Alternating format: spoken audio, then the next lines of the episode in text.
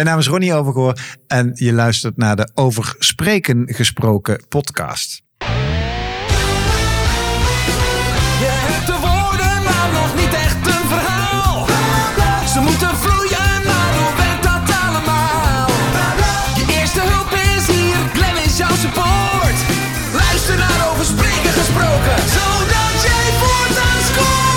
En wat fijn dat je luistert naar een nieuwe kerstverse aflevering van de Over Spreken Gesproken podcast. Ik ben er weer bij, jij bent er weer bij en een nieuwe gast staat voor je klaar. En in deze aflevering gaan we het hebben over een bijzonder onderwerp in het sprekerswereldje, namelijk de rol van de dagvoorzitter. En daarvoor heb ik gekeken naar wie staat er eigenlijk bekend als een van de beste dagvoorzitters van Nederland. Nou, ik ben heel blij dat ik Ronnie Overgoor bereid heb gevonden om te interviewen. En Ronnie Overgoor, wat ik wel leuk vind om te vertellen, is dat eh, Ronnie en ik zijn opgegroeid met dezelfde ambitie, met dezelfde droom, zou je kunnen zeggen. Toen Ronnie heel klein was, stond hij ook op ieder podium wat hij kon vinden. En hij had, eh, net zoals ik in, eh, toen ik jong was, de droom om acteur te worden. En we zijn allebei terechtgekomen op de theateropleiding. Alleen kwam Ronnie daar al heel snel achter dat dit niet zijn plek was. En hij switchte dus van de theateropleiding naar een opleiding technologie en media. Iets totaal anders. Maar dit legt hem geen windeieren, want uiteindelijk is hij succesvol tech-ondernemer geworden, internetondernemer. En naast zijn werk uh, binnen de dagvoorzitterschappen zou je hem op dit moment nog kunnen kennen van zijn uh, media tv video platform Seven Ditches TV. En dit is een platform voor zakelijke professionals waarin hij ondernemers en andere inspiratoren uit de professionele zakelijke wereld interviewt. En er staan al meer dan duizend afleveringen online. Dus Seven Ditches TV is een gigantische bron voor inspiratie. Kan ik je zeker aanraden. Maar niet voordat we het interview induiken. En we gaan het hebben over drie zaken. We gaan het hebben over de lessen die hij heeft geleerd als dagvoorzitter. We gaan het hebben over ja, de lessen die hij geleerd heeft als ondernemer. Hè, wat, wat maakt dat hij succesvol is geweest en nog steeds is.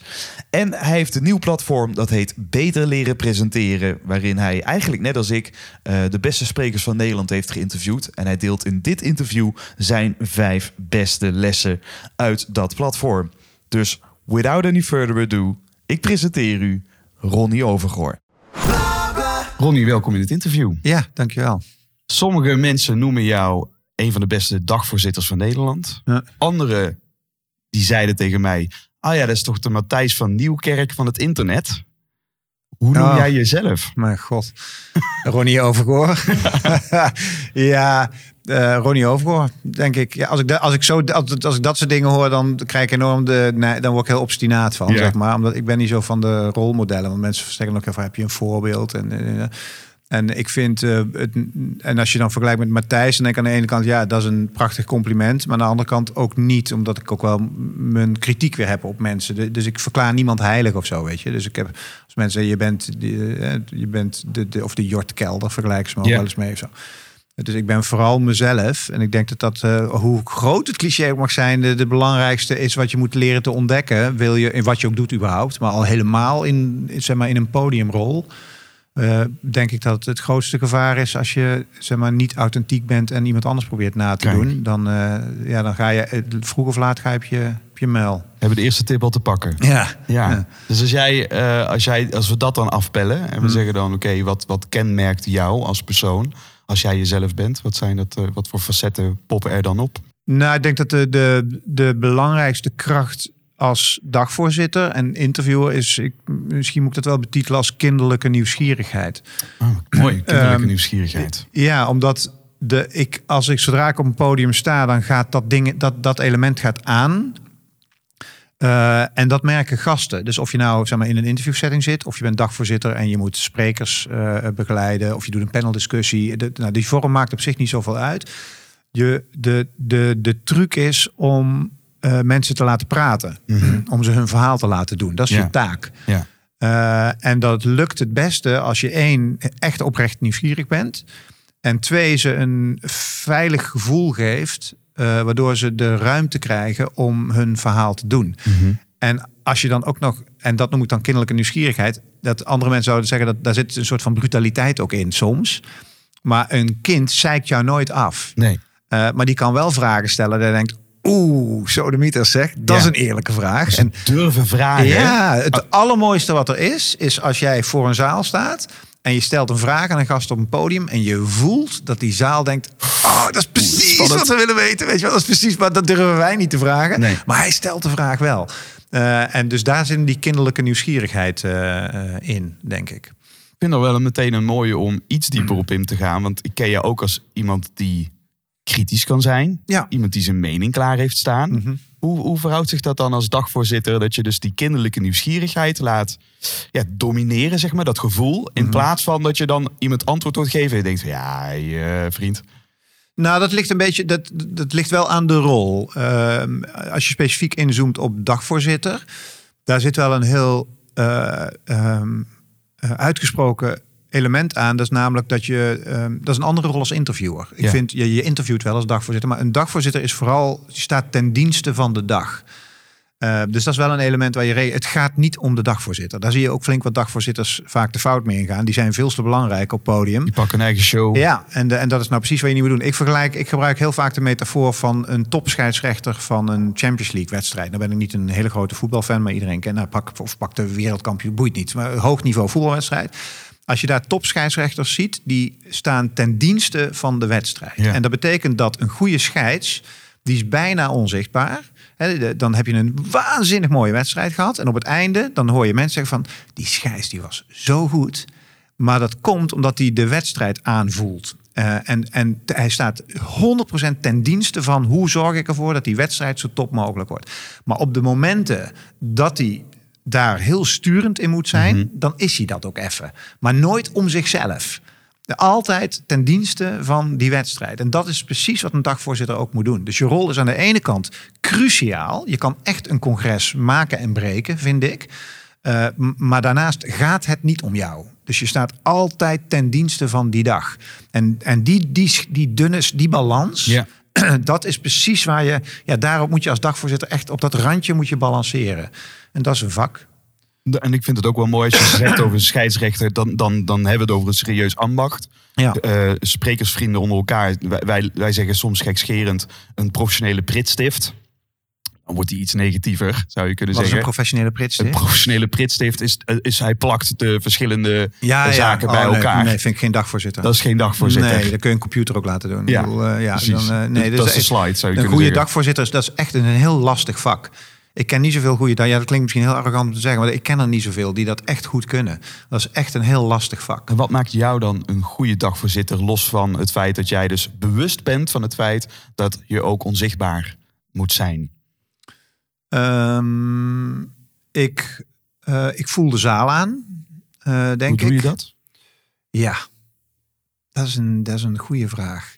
Dat, dat lijkt wel op een talent. Mhm. Dat, is, dat zit, heeft met intuïtie. Ik weet niet waar dat mee te maken heeft. Maar je, dat is op een of andere manier je.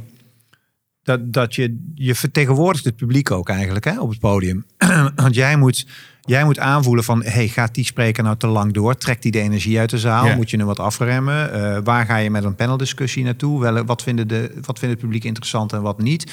Dus het is het intuïtief aanvoelen van de zaal. En ja, misschien is dat wel een kunst. Ik weet het niet. Ik heb, daar weet ik niet zo goed. Kan niet zo goed grip op krijgen. Maar dat kan ik. Ja, en het is... ehm, ja, het zijn een aantal elementen. Het is heel erg kunnen improviseren. Het, weet je wat het misschien wel is? Er zitten allemaal paradoxen in. Dus het is aan de ene kant waanzinnig improviseren. Want er gebeurt van alles. Ja. Aan de andere kant zeer strak georganiseerd zijn. Want aan jou om die tijd in de gaten Ja. te houden. Dus ik voer een paneldiscussie en iedereen die gaat in die flow mee. En denkt, yo, wow, wat een paneldiscussie. Maar ondertussen zit ik nog zes andere dingen te denken. Van oké, ik moet nog tien minuten. Die gast tweede van links, die is nog niet zo goed aan het woord geweest. Dus ik stel zo meteen stel ik een vraag aan hem. Want dan komt hij ook goed aan het leven. Dus je bent continu in je hoofd bij je waanzinnig aan het werk. Dus het is met name misschien wel die, dat, dat dat hoofd heel veel tegelijk kan doen. Eh, en het theatrale. Eh, Dus het zijn een heleboel elementen. Dat is misschien ook wel het lastige. Hè, want je staat ook op een podium, dus je moet ook performen. Je moet inhoudelijk zijn, je moet weten Ja. wat het over gaat. Je moet die zaal aanvoelen. Je moet, nou, het is een heel spel van elementen. Waarbij ook, eh, nogmaals, aan de ene kant misschien wel talent een rol speelt. Maar ik maak natuurlijk ook vlieguren. Dus ik sta nu inmiddels al flink wat jaren al heel vaak als dagvoorzitter op het podium. Dus, en dat scheelt ook wel. Ik heb natuurlijk heel veel vlieguren eh, gemaakt. En ja. Ja. dat is dus een bekende uitspraak, geloof ik. Ik geloof 10.000 Ja, uren 10.000 maken en dan uren whatever. dan, eh, nou ja, die, heb ik, wel. die heb ik wel gedaan. Precies. Dus dus het, het is met name denk ik de combi van factoren die het zo'n complex... laat ik zo zeggen, ik denk dat heel veel mensen zich vergissen. Want er zijn natuurlijk, ja, het is een vrij beroep hè. Iedereen mag zich dagvoorzitter Ja. noemen. Ik denk dat er vrij veel mensen zich vergissen en dat ze op het podium staan en denken: wow, what the fuck, zeg hé. Je komt veel bij kijken. En dat vind ik ook wel tricky, want het kan echt een congres goed verneuken. Als je een, eh, een, een, iemand hebt staan die het gewoon die het spelletje niet snapt. Ja, nou ja, maar ik kan me zeker voorstellen. Je hebt de, eh, mensen betalen vermogen. Ja. Eh, dan heb ik het over de opdrachtgever Ja. voor zo'n congres. Als één spreker het even net niet zo lekker doet, dan heb je drie kwartiertjes waarvan je denkt, nou, dat, dat vergeven we ons toch Ja. wel. Ja, maar als je een die dagvoorzitter clown op het podium de hele dag de hele door. dag door. Ja, en het publiek heeft. eh, Hassa, hassa, precies. nee. En, het publiek, en het publiek heeft 500 euro betaald of 1000. En er zitten er 300 in de zaal, weet je wel. Ja. dat kan echt eh, eh, redelijk schadelijke gevolgen hebben. Ja. Dus ik ben daar ook altijd wel, eh, wel fel op eh, dat dat goed wordt ingevuld. Je noemt alvast een aantal dingen. Die kunnen we wel eens even eh, onder elkaar zetten. Het begint dus met het aanvoelen van publiek. Want Ja. jij vertegenwoordigt Ja. die dag het publiek. Ja, ik laat ze ook zelf aan het woord. Maar ja, ik, op, het het is, ik, ik sta ten dienste van het publiek er een toffe dag van te maken. Exact. Dan heb je van de ene kant die te improviseren, want de dag loopt nooit zoals het van tevoren op de sheets eh, staat. Nee. Tegelijkertijd is het aan jou om eh, de time manager, de timekeeper te zijn. Ja, absoluut. Eh, dus ondertussen heb jij, je bent bezig met, met luisteren, Mhm. dat is een lijn. Je bent bezig met de klok, dat is een lijn. Ja. En je bent bezig op de dynamiek die dan ook nog eens tussen verschillende mensen staat. Ja. Als, je, als je het op die manier zegt, voelt het voor mij haast intensiever dan gewoon een lezing doen. Is het ook. Die je ook al uh, tig keer gedaan Oh ja, hebt. ja, is het ook. Is het veel intensiever. Want je ben, en het is, wat er nog bij komt, is, dat is de verantwoordelijkheid. Daarom ben ik in de voorbereidingen altijd heel eh, strikt. Eh, ik moet alles weten van tevoren. Alles. Want op het moment dat het begint, kan ik niet meer overleggen. Eh, en moet ik het doen? Ben ik de baas? Want ik bepaal op dat moment, laat ik hem nog vijf minuten doorgaan of onderbreek ik hem. Ik bepaal welke vragen ik stel bij een paneldiscussie. Ik kan Ja. niet meer overleggen tijdens. Dus vandaar dat ik tijdens de voorbereidingen bij degene die het organiseert, altijd echt degene ben die enorm doorvraagt en tot op de millimeter dingen wil weten, zodat ik het perfect kan voorbereiden. Ja. En het moment dat de, de, de, het congres of het evenement begint, ja, dan sta ik daar in mijn uppie. En dan, ja, I call the shots vanaf dat moment. En dan moet ik het wel goed doen. Eh, dus dan moet ik precies weten, wat wil die, wat wil die organisator? Wat is, is, die, is die spreker zo belangrijk dat, ook al lult hij een half uur langer door... eh, dat ik no way die gast mag schofferen, want Ja. hij is de koning. Zo be it. En dan dan zal, voorstellen, Ben Tegelaar bij eh, vorig jaar met Barack Obama. Nou, prima als hij een paar uur minuutjes extra nou, ja, maar ook, ook daarin, ja, maar ook daarin, ik heb met hem gesproken daarover. Hij, hij is een van de sprekers die ik uiteraard in die, in die cursus waar we net bij de voorbereidingen voor gehad hebben. Ja. Hij is natuurlijk een van de sprekers die ik daarover heb geïnterviewd. En ook daar zie je, die jongen is natuurlijk zo voorbereid dat als ik nou dagvoorzitter zou zijn geweest op dat congres, hoef ik me over één ding geen zorgen te maken. En dat is dat Ben Tichelaar, ook al presenteert, ook al interviewt hij Obama, dat hij zich niet aan de planning en de tijd, als er nou eentje professioneel is, Dus dan, Ben eh, dan is Ben Tichelaar wel. Dus Ja. dat is ook heel fijn om met dat soort mensen samen te werken. Want dan weet je, ja, dan versta je elkaar, zeg maar. Ja. Dan eh, hoef je dat soort dingen allemaal niet uit te leggen.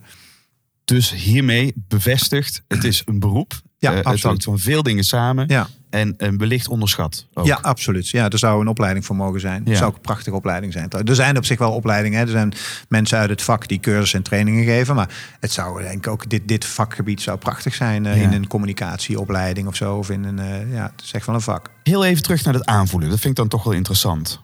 Ehm, je zegt hier, voorbereiding is super belangrijk. Ik denk, Ja. eh, als, je, als je al niet bent voorbereid, je weet niet wie er is in de zaal en op het podium, dan, dan hoe kun je dan aanvoelen? Ja. Maar is dat, eh, ik ben toch wel nieuwsgierig hoe jij dat, dat is een gevoel, hè, dat is een talent, zeg jij misschien zelfs wel. Maar hoe doe je dat op zo'n dag? Ga jij je blenden in de, in de, tussen de mensen voor, voor, Nee. eh, Nee, voor juist zo'n niet. dag? Nee, ik denk dat het... Nou, weet je wat het ook... Weet je wat het- Tradities. Nou, weet je, ehm, ik denk dat ik de zaal aanvoel omdat, ehm, eh, misschien dat ik hem wel heb. Hij zei mij niet zo moeilijk, denk ik. ik ben redelijk mainstream. Ik ben niet dommer of slimmer dan de gemiddelde mens. Ik ben redelijk normaal. en eh, dat zijn de gemiddelde mensen in de zaal ook. Dus op het moment, eh, dus eigenlijk ben ik de zaal. Het moment dat iemand iets zegt op het podium en ik denk, dat begrijp ik niet. En ik zeg, Dat begrijp ik niet. Dan weet ik dat 75% van de zaal op dat moment ook denkt, denkt. dat begrijp ik niet. Dat is het, denk ik. Dus, dus eh, ik verplaats mij niet, ik sta niet boven de zaal of onder de zaal. Hè. Je ziet vaak op het podium mensen die, en dat is een risico, die of denken ik sta erboven. Ik ben de expert, ik ben belangrijk, ik ben de directeur. En, en daardoor missen ze die link met het toneel of met het publiek. Maar aan de andere kant heb je ook heel veel, dat zie je met name in de niet-professionele sprekers. Hè, dus de mensen die dan op een podium iets moeten vertellen en dat niet zo vaak doen, die zich eronder plaatsen. Ja. Hè, die in één keer zoiets hebben van, ja, maar wie ben ik nou om op een podium te staan en tss, niemand is toch geïnteresseerd in mijn verhaal. En beide hebben, verliezen de connectie met de zaal. Want de bottom line is dat we met z'n allen niet zo gek veel mm, verschillend zijn. Dus het moment dat ik me verbaas, verbaast de rest van de zaal zich ook. En het Ja. moment dat ik boos word of geïrriteerd raak, eh, dan heeft de rest van de zaal dat ook. Dus ik denk dat, dat het de mazzel is dat ik gewoon eigenlijk een hele normale jongen ben, net zoals de rest. en misschien is dat het eigenlijk wel. Is het niet eens talent? Is het gewoon, weet je. Boerenverstand. Ja, gewoon boerenverstand. Als ik boos word, ja, dan, eh, dan dikke mik. Kijk, en, en weet je, dus ja, ik, ik ben de zaal. Dat is het, denk ik. Ja, maar ik, ik vind wel dat daar, daar heb je al veel voor nodig. Dus het feit dat je op zo'n podium staat, dat vindt ego lekker. Mhm. Het ego zal misschien verschillende boodschappen geven. Hey, dit zou wel interessant zijn. Hij is ook nog dit. Hey man, ik, als Ja. je dit nog ook even vertelt. Goede stuf. Ja. Dan ben je dus af, zeg je. Want dan sta sta je er eigenlijk boven. Ik vind het Ja. verschrikkelijk irritant als ik dagvoorzitters eh, ineens zelf met nieuwsfeiten hoor komen. En dan de spreker vraagt, zo uit random. En hoe denk jij daarover? En Ja. dan denk ik van, hè, maar daar hadden we toch helemaal wat niet wil over. je nou laten zien? Ja, Eh, oké, je hebt de krant goed gelezen ja. vanochtend. Nee, dat Nou, is echt heel fout. eh, en, en anderzijds, ik, ik herken mezelf daar wel in. Ook zeker als ik nu gasten eh, die ik al in mijn podcast heb gehad. Dat soms dan is mijn valkuil dat ik, ik wil, wil, moet ze ook niet op mijn voetstuk zetten. Nee. En, en die neiging kan ik soms wel eens hebben. Als ik Ja. heel blij ben Ja. dat ze bij mij in de podcast Ja, zitten. en dat is belangrijk dat je dus ook kijkt door de buitenlaag heen. Hè? Kijk, want eh, kijk, het is natuurlijk een verschil. Ik heb hele verschillende zalen, maar het maakt mij eigenlijk geen reet uit of er nou 300 ondernemers zitten, of er zitten 300 medisch specialisten, of er zitten 300 dikke directeuren. Of ik had eergisteren had ik eh, de Vereniging Nederlandse Gemeenten, dat de hele zaal vol met burgemeesters en wethouders. Mij boeit het niet. En dat bedoel ik niet disrespectvol, maar de, of ik nou een kleuter moet interviewen, een, eh, de, de koning, een CEO of, eh, of jou, dat maakt mij in de kern niks uit. Want in de kern zijn het allemaal dezelfde mensen. En dat is denk ik de belangrijkste eh, besef. Wil je op een goede manier dagvoorzitter kunnen zijn? Dat je iedereen benadert als hetzelfde. Dat vind ik sowieso in het leven. Weet je, dat, is- dat, dat is denk ik, dat is dan, daar ben ik heel blij mee dat ik dat heb. Dat ik niet als ik een belangrijke eh, eh, eh, CEO krijg, dat ik dan als een knipmesje ga buigen en in één keer heel beleefd ga doen. Eh, ik praat met iedereen hetzelfde en dat vinden mensen heel fijn. Dat Ja. vindt die kleuter fijn. Ja. Maar dat vindt met name die koning, want die heb ik letterlijk, dat is wel jaren geleden heb ik ooit een keer in, de- in het opleidingstraject van wat nu ons koning is, toen de prins. Ja. Die had dan eh, van allerhand opleidingstrajecten en eentje ging over de digitale wereld. En ik was toen bureaudirecteur van een groot internetbureau. Mhm. En wij werden dan uitgenodigd om een interview of om een presentatie te geven en om daarna met hem eh, te praten over de internetwereld, wat er allemaal gebeurde. Er was verder geen pers bij en allemaal low, zeg maar, onder de radar. Eh, en toen zag je natuurlijk ook allemaal mensen die echt, die scheten zeven kleuren stront. Want nou, nou de koning. En ik zag hem echt gewoon als net zoals dat ik nu jou zie. Ja. En dus toen hij tijdens mijn presentatie mij voor de derde keer had onderbroken, eh, vanuit puur interesse, van hoe zit, zei ik op een gegeven moment, we zaten met een mannetje of twintig, zei ik. En ik, en ik zei, ik zei, joh, weet je, als je nou heel even je mond dicht houdt, van, ik, want dan maak ik even een verhaal af, dat vind ik lekker. En dan kunnen we daarna kunnen we het erover hebben. En je zag echt een aantal mensen echt bijna door de hoeven zakken. Van, hij nou? Gast, wat zeg je nou? Maar je zag aan zijn blik, dat zag ik, en dat bleek ook later, je zag aan zijn blik gewoon een soort van glimlach van, hè? Want hij is ook gewoon een gast. Weet je wel? Het is gewoon een gast. Die gaat ook naar de play en wel en weet ik veel. Weet je? Dus, eh, en dat vond hij heerlijk. Dus als ik een zaal heb met zes CEO's en ik moet een paneldiscussie doen, is het eerste wat ik doorbreek, is die hiërarchie. Ja. Eh, en, en is zo snel mogelijk levelen en connectie te zoeken op datgene waarin we gelijk Op zijn. menselijk niveau. Yep. Die we Dus- allemaal gemeen hebben. Yep, dat is de truc. En hoe doe je dat? Hoe doorbreek je dat? Door het lef hebben om zelf ook eerlijk en open te zijn. En dat is een oude humaniste die ik ben. Hè. Carl Rogers zei het al. Van, als je zelf heel open en eerlijk bent, dan geef je de ander eh, heel veel gelegenheid om zelf open en eerlijk. Dus als je het spelletje meedoet van de maskers. Ja. En je gaat ook een dik pak aantrekken. En je gaat ook u zeggen. En je gaat ook waar doen. En weet je, ja, dan hou je het in stand. Ja. Maar zolang jij zelf jezelf bent. En gewoon open en eerlijk bent. En gewoon eh cut, cut the crap. Eh, en gewoon meteen doordringt tot waar het om gaat, dan creëer je een hele, dan haal je een hele hoop spanning uit de lucht. Eh, en dan kom je tot, eh, tot de inhoud. Weer het, weer te refereren aan eigen ervaringen. Hm. Ik vind- het een spanningsveld. Jezelf, je- dus kwetsbaar zijn, dus iets delen over jezelf. Hm. Maar zicht, onzichtbaar proberen te blijven. Nou, dat delen over. je- Kijk, dat, dat betekent niet dat ik op het podium eh, in een panelgesprek net zoveel over mezelf moet vertellen als dat gaat. Nee, tijdens een panelgesprek gaat het helemaal niet over mij. Maar dat zit hem dan meer in de, in de, in de momentums daarvoor. ja. Dus je bent een paar uur van tevoren op zo'n congres. Je schudt. eh, of eh, als het gaat om de organisatie, die spreek je natuurlijk al eerder. Maar als het vaak gaat om paneldiscussies, om maar dat voorbeeld te pakken, die zie je dan op die dag zelf. Eh, eh, de paneldiscussie is middags. Die gasten zijn er 's ochtends al. Dus je spreekt elkaar dan even, je schudt elkaar de hand. Dat, Dat, zijn, dat is het moment dat waarin zijn je de momenten. demonstreert. Daar creëer je het sfeertje Ja. wat op het podium te zien is. En dat waarschijnlijk uitvergroot nog een beetje. Want iedereen Tuurlijk, want je, op het allemaal. podium moet je altijd aan. Ja. Ja, het is niet dat je lekker op het podium zitten en hetzelfde doet als dat je van het podium af. eh, je Ja. gaat altijd aan. Dat is theater. Ja. Het is toch uiteindelijk theater. En dat is, dus, dat is dus mooi. Dus als het gaat om dat aanvoelen, dat begint bij jou toch voor een groot deel al voordat je ook maar één stap op het podium zet. Ja, ja, ja, ja. ja, dat is als je je voorbereidingen, en dat, dat is voor de dag zelf en de voorbereidingen op de dag zelf. Dat, dat is cruciaal. En, en de, dat maakt uiteindelijk hoe goed het op het podium allemaal gebeurt. Ja. En ik kan me heel goed voorstellen dat die positieve naam dus ook voortkomt uit de consistentie. Wie is Ronnie? Dat je dus weet op een gegeven moment, als we Ronnie op het podium zetten, dan krijgen we ongeveer dit. Als, Maar- ik me daar, als ik ooit, eh, en dat zeg ik wel vaak, als ik ooit merk dat ik daarin nonchalant word, kap ik er meteen mee. Want hoe merk je dat? Als je, wat, wat gebeurt er Gelukkig dan? nog niet. Wat gebeurt er dan? Als je Dan ga je, als zijn? ik ga verslappen hierin, dan, dan, eh, en, en ik voel niet meer één, die spanning tijdens de voorbereiding om het perfect te doen. Ja. En de spanning du moment, de, de tune klinkt van de opening. eh, en ik moet bijna het podium op en ik sta nog steeds als een soort eh, jonge leeuw die je zo van doe, doe die ketting eraf. En ik mag weer, weet je wel, dat gevoel. Als dat verdwijnt en ik ga nonchalant worden en denk, well, ja, ik heb weer een congresje en ik loop het podium weer op. Ja, dan moet je stoppen, vind Ja. ik meteen. Maar dat gevoel is er nog lang niet. Nee. Ja, gelukkig. Nee, nee. Ik ben heel laat bloeier, hè, dus ik ben er niet zo lang bezig eigenlijk. Ja. Ja. Dus misschien vind ik dat wel mooi om even terug te gaan naar het, eh, naar het begin. Mm. Ehm, er zijn sowieso een aantal pilaren die ik, eh, die ik met jou wil bespreken. Eh, jou, jij als ondernemer. Ja. Jij als ehm, nou, ook creator zou je dan kunnen zeggen.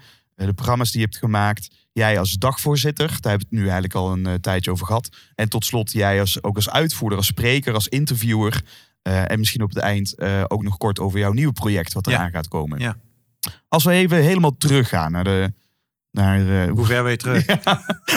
de, de jonge jaren, misschien wel na het moment dat jij op de middelbare school zat en zelf eigenlijk begon met de ambitie om, om acteur te worden. Ja, was ook misschien. was het misschien daarvoor? Ja, het zat er altijd alleen. Ik, eh, ik, ik, eh, ik- toevallig heb ik dat laatst ook op mijn website gezet dat ik mijn moeder sprak en die zei: joh, toen jij een klein kleutertje was, toen hield ik me, dat zei ze met een glimlach over, toen hield ik mijn hart al vast als ik je meenam naar buiten om boodschappen te doen. Ik zei: wat dan? Ja, zeg ze, ik wist echt niet wat jij weer ging zeggen tegen, tegen iedereen, weet je wel. Je was gewoon een flap uit en, eh, en, en, dan, en, en je was altijd zo open en eerlijk. Dus jij kon echt tegen mensen: jee, wat heb jij een gekke jas aan? Weet je, dat soort kinderopmerkingen. Ik was altijd al de ouwe hoer. Dus dat heeft er altijd al in gezeten. Ik bedoel, dat kletsen en praten en eh, taal, dat is altijd wel mijn ding geweest. Ehm, en op de middelbare school merkte ik inderdaad dat je al wel dat podium ging opzoeken met schooltheater. En eh, en de, de grootste roem die je kon halen bij ons op de middelbare school, dat was elk jaar was het grote geheim wie speelt Sinterklaas. Oh, right. En dat was of een leraar of het was iemand uit het laatste jaar. Ja. Nou, dat was echt wel de held. En nou ja, guess what? Daar, daar, werd- daar, werd- daar, daar, werd ik voor, ervoor gevraagd. En terwijl ik een heel onzeker zoekend eh, jongetje was hoor. Zeer, eh, alles behalve ehm, eh, evenwichtig in balans en lekker gelukkig geweest, zeg maar, in mijn hoofd. Ehm, maar dus ik heb, ik heb vanaf dat moment al wel vrij heel erg die zoektocht gehad naar dat podium. Wat dan weer te maken heeft met een soort ongebreidelde behoefte aan aandacht. Ehm, kun je daar weer over gaan psychologiseren, waar dat dan weer vandaan komt. Ja, weet je, ik, ik geloof meer in de positieve psychologie. Jan, eh, Jan van Zetten, die zei ooit het prachtige voorbeeld van vroeger dan, eh, dan de, hij zei je rijdt in een bos met een fiets en eh, op een gegeven moment is je band lek. En dan kun je twee dingen doen. Je kan zeg maar terug dat bos in en gaan zoeken van, hé, hey, wat is nou de oorzaak dat mijn band lek is? Eh, nou, daar kom je dus niet uit, want ja, dat kunnen duizenden oorzaken zijn. Hij zei, je kan ook de band plakken en weer doorfietsen. Dus daar ben ik wel een Je beetje van het laatste. En ik, Ja. ik, er zijn echt wel oorzaken. Ik bedoel, ik, ik ben in een klein dorp opgegroeid wat voor mij geen veilige omgeving was. Dus ik heb daar wel vrij veel angst in mijn hoofd gehad, al dan niet terecht. Eh, en mijn ouders zijn gescheiden, dus dat was ook niet eh, zeg maar, het allerprettigst. Eh, du- Dus ik heb wel wat dat betreft wel veel onzekerheid gehad. En misschien komt daar juist ook wel die ambitie vandaan. En een soort van, ik zal ze een poepeltje laten ruiken. Nou, dat soort theorieën, prima. Maar het, wa- het, is wel heel lang heel ongestructureerd geweest, die zoektocht. Dus die middelbare school was leuk, was voor mij best een leuke tijd. Puberteit, eh, meiden, en, nou, beetje alles. Nou ja, puberteit gewoon, wat je doet in de middelbare school. Vooral niet te veel Hormonen. studeren. En eh, docenten boos maken omdat je maar een 6 had gehaald. En je kan toch best een 8. Terwijl ik dacht, ja, waarom zou ik? Weet je wel, een 6 is voldoende. ja, check in the op, box. ja, op mijn sloffen de HAVO gehaald uiteindelijk in zeven jaar. Dus ja, dat was wel best een leuke tijd. Nou ja, en toen gaan studeren. En Dus dat bleef allemaal heel ongestructureerd, heel lang. Dus was eigenlijk heel lang geen lijn, zou je nee, kunnen totaal zeggen. niet. En in mijn studietijd ook niet. Het onbewuste hormoonbom. Ja, dat.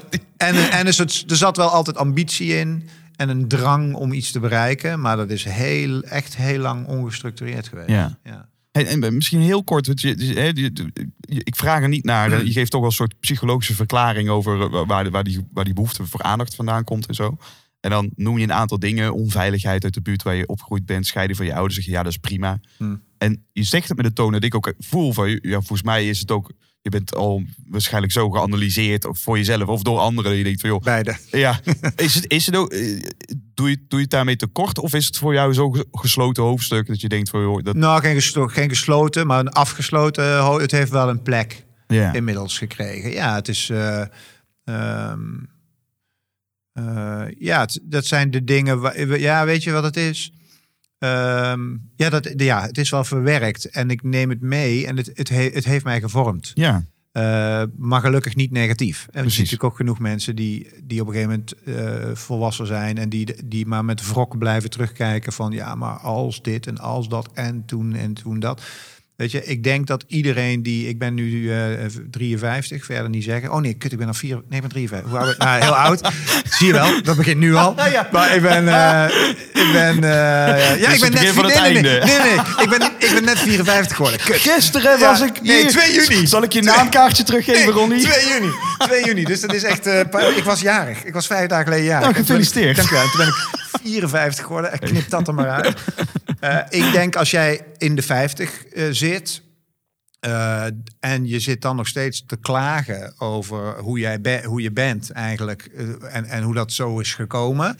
Ja, dan heb je dingen. Ja, dat, dat is bij mij niet aan de orde. Nee. Dus, dus er zit waanzinnig veel in. En dat heeft allemaal te maken met hoe je, wie je bent en hoe je bent opgegroeid. Ja. En, maar, en dat heeft zijn plek en dat beweegt nog steeds. En daar speel je mee en daar werk je aan. En ik ben eigenlijk bottom line er wel heel blij mee, omdat het eh, mij, ja, denk ik, alles heeft gebracht waardoor ik nu sta waar ik sta. Ja, zeker weten. Ja. En ik vind het mooi wat je zegt. Eh, luisteraars hebben mij al vaker horen zeggen... Een, een favoriet mantra is... de shit uit het verleden is de mest voor de toekomst. Ja, dat is het. Maar dat vraagt iets van je. Ja. Want shit, als je shit maar shit laat, blijft shit. Ja, als je het emmertje dicht houdt en je houdt de deksel erop, dan op een gegeven moment ontploft hij wel als hij vol genoeg zit. Weet je wel? Dus, dus je moet hem zo nu en dan legen. Dan noemen we dat de shit hits the van. Ja, when shit hits the fan. Ja, dat is zo. En eh, dus, dus, dus die ontleding en die analyse. En eh, ja, daar zit, daar zit bij mij vrij veel, of vrij veel. Er zit gewoon lekker wat materiaal in. Niet, niet bovengemiddeld te zijn, echt wat dat betreft. Als ik om me heen kijk, zijn er mensen echt wel die nog veel meer shit uit het verleden meedragen. Dus dat valt bij mij alleszins mee. En, eh, eh, en het heeft een plek en het heeft mij gevormd. En het maakt mij degene die ik nu ben. Eh, en daar ben ik eigenlijk best heel blij mee. Mooi. Ja. Ja, dat voelde ook congruent. Ja. Ja. Zeven jaar HAVO. En Ja, toen ja. studeren. Ja, en toen studeren. Ja, dat was ook weer zoiets. Eh, ik wilde natuurlijk rijk en beroemd worden, hè, want dat was wel dat. Dat was- dat was de ongeveer. missie toen? ja, dat was ongeveer. Zover was ik qua formulering van mijn ambitie wel gekomen. En toen dacht ik, nou laten we beginnen met beroemd, want dan komt rijk. Had je toen eh, wel een voorbeeld? Dat je denkt, als ik toch maar een beetje zoals Nee. hem? Nee, Nee. ook niet. Nee, nee. Nee, hooguit André van Duin misschien. Maar eh, weet ik veel. Nee, niet echt. En toen ben ik... en het enige wat ik richting beroemd worden kon verzinnen was toneelscholen. Alleen, ja. Tussen jou en mij. Ik heb selectiecursussen gedaan in Maastricht en in Arnhem en in Amsterdam. Ik was redelijk bleu. Ik kwam uit een fucking dorp. Ik had nog niks van de wereld gezien. En ik kan gewoon niet acteren. Dus, ik- dus, dus ik kwam echt tijdens die selectiecursus, zag ik gewoon om me heen allemaal wereldse jongens en meiden uit het Amsterdamse en uit het stedelijke. En die konden ook nog eens een keer acteren. Dus ik voelde al eh, in mijn onderbuik aan van ja, dit wordt echt helemaal niks. Maar ja, je bent zoekende en je weet het niet. En dus toen kwam ik uiteindelijk ehm, eh, eh, eh, op een. Toen, toen heb ik me aangemeld op de Academie voor Expressie door Woord en Gebaar. Zo heette die toen. Dat is nu de faculteit Theater en Drama in Utrecht. Mhm. Dat was een beetje de opleiding van, nou, als je nou overal bent afgewezen, dan kun je daar Ja. wel op. en, dus dat deed ik, daar werd ik uitgeloot. En toen ben ik maar lerarenopleiding gaan doen. Maar dat was echt zoiets van, nou ja, vink, check in de box, we zullen maar wat doen. Eh, dus toen belandde ik in Tilburg op het toenmalige Moller Instituut, een lerarenopleiding. Daar heb ik eh, gekozen voor omgangskunde en maatschappijleer. Jongen, jongen. Ja, ja, ja, ja. ja.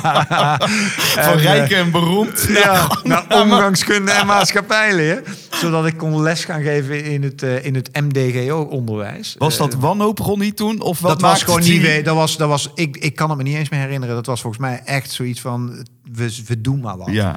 Weet je wel.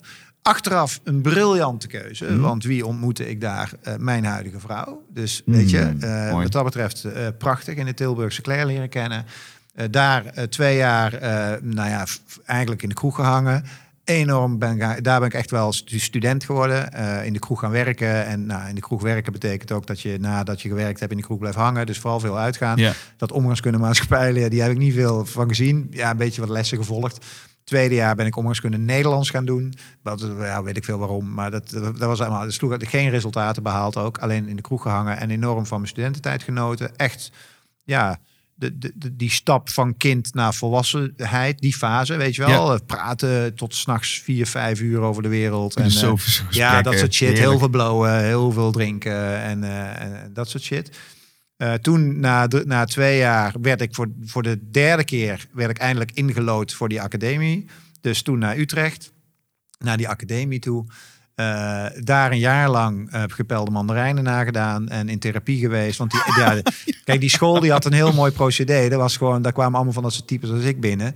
En die leraren, dat waren gewoon foute gasten. Ja, ik zeg het een beetje zwart-wit hoor nu, maar die, die, hun tactiek was eigenlijk van jongen, die, die gastjes die hebben allemaal een emmer met stront. En eh, daar weten ze echt helemaal niks van. Wij gaan die deksel eraf halen, weet je wel. Ja. Vuurtje eronder. En eh eens even kijken wat voor... Dus daar kwamen incestverledens uit. En eh, niet normaal. Het was gewoon therapie. Het was echt gewoon therapie. En aan de andere kant, als je dan zeg maar terugkoppeling wilde... dan hadden ze een geheim nummer thuis, weet je wel. Dus het was... It didn't go... It didn't, Oh, it's it not, not both ways, zou je No, not zeggen. both ways. En het, en het was gewoon, ja, ik vond het fout. Maar dat waren, dat waren ja, de alternatieve theatercultuur zat daar nog heel erg in met een K. Weet je, dat waren mensen die hadden zelf in hun studententijd, gingen ze een weekend in één ruimte zitten, zoals hier. En dan gingen ze met elkaar praten. En dan was er geen wc. Dus moest je ook in de hoek schijten. En dat was dan goed om jezelf te ontdekken. Nou, dat soort cultuur, dat Ja. soort sfeertjes. Dat is over, overigens, eh, want ik kan me voorstellen, jij, jij zat daar misschien twintig jaar eh, voor, voordat ik eh, op Ja. een dergelijke opleiding kwam. Ja, het, het, is, het blijft ook wel een beetje, het is zowel de romantiek als... Eens. Als En, de- en, en er zit de- natuurlijk wel weer, je moet jezelf helemaal van binnenste buiten keren. Wil jij het theater uiteindelijk in? En nou, dat was een beetje de Ja. filosofie. Maar ik, daar begon mijn ambitie wel wat te Af te protest- brokkelen. Nou, die begon te, in zover te protesteren in de zin van wat moet ik hiermee? Ja.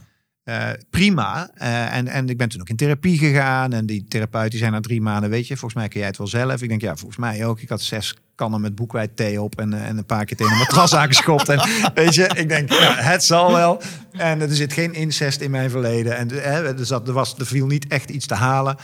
Dus uiteindelijk had hij zoiets nou, volgens mij lukt het jou wel. Ik denk, nou, dat denk ik ook. En toen kwam ik eh, eh, binnen de HKU. Ik had ook binnen een jaar een protestactie, want ik vond het, eh, het onderwijs kut. En toen ben ik, dus er zat wel, ja, ik was wel altijd een, een mannetje die als me niet zinde, dan liet ik het wel horen. Weet je wat pionieren zat er toen wel al Ja, in. en, en mijn eigen gang zoeken Ja. en ook gewoon geen concessie doen als me iets niet zint, dan, dan, dan zeg ik dat ook. En dat kwam later in mijn carrière ook nog terug.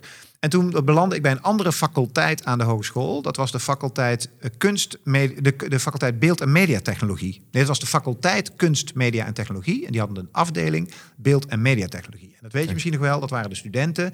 Die maakten van die hele hippe animaties die ze bij 2 voor 12 voor de oudere luisteraars onder ons met Astrid Joosten zeiden. Ja. Vraag 7 en daar is weer een animatie van de studenten van de. Nou, die werd daar gemaakt. Dus da- daar zaten allemaal wiskids achter computers. En nou praten we, ju, moet even heel hard terugdenken, maar ergens jaren 90 of zo, denk ik zoiets, met slechte jaartallen. Whatever, begintijd van de computers. Amiga-computers waren dat, grafische computers. Eh, en ik dat was voor mij een soort escape. Bijna een soort actie-reactie. Dat ik denk van, weg hier bij die joggingsbroeken en die gepelde mandarijnen en dat gehuil. Dit is een verademing. Lekker, jongen. Die computer. Computer, en, en, duidelijkheid. Ik denk, dit is interessant. Eentjes en nulletjes. Ja, en ik vond af en ik snapte geen reet van computers. Echt, ik was ook altijd anti. Mijn oudere broer zat in de IT en ik had altijd tegen hem gezegd: het gaat om emotie en het gaat om gevoel en computers zijn Als- Als fout. theatrale strijder. Ja, ja, echt.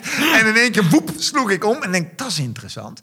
En eh, toen ben ik naar die studiecoördinator, want ik had inmiddels al best wel wat jaren studie natuurlijk achter de rug. En dat was nog in de tijd dat met studiefinanciering, ik had nog drie jaar studiefinanciering. Dat is nu al ondenkbaar. Hè? Ja, ja, ja, zeg maar, zeg maar, Ja, jongeren ja. in deze leeftijd zouden al tonnen aan schuld Ja, ja, hebben. ja. Nee, ik zat nog vrij. Ik had uiteindelijk had ik ook wel schuld, maar dat eh, viel nog mee. Dus ik ben naar die studiecoördinator toegestapt en ik zei: joh, het punt is dit. Ik heb drie jaar de tijd. Ik wil wel. Ik had nog wel zoiets Calvinistisch van: ik wil deugen, ik wil een papiertje halen.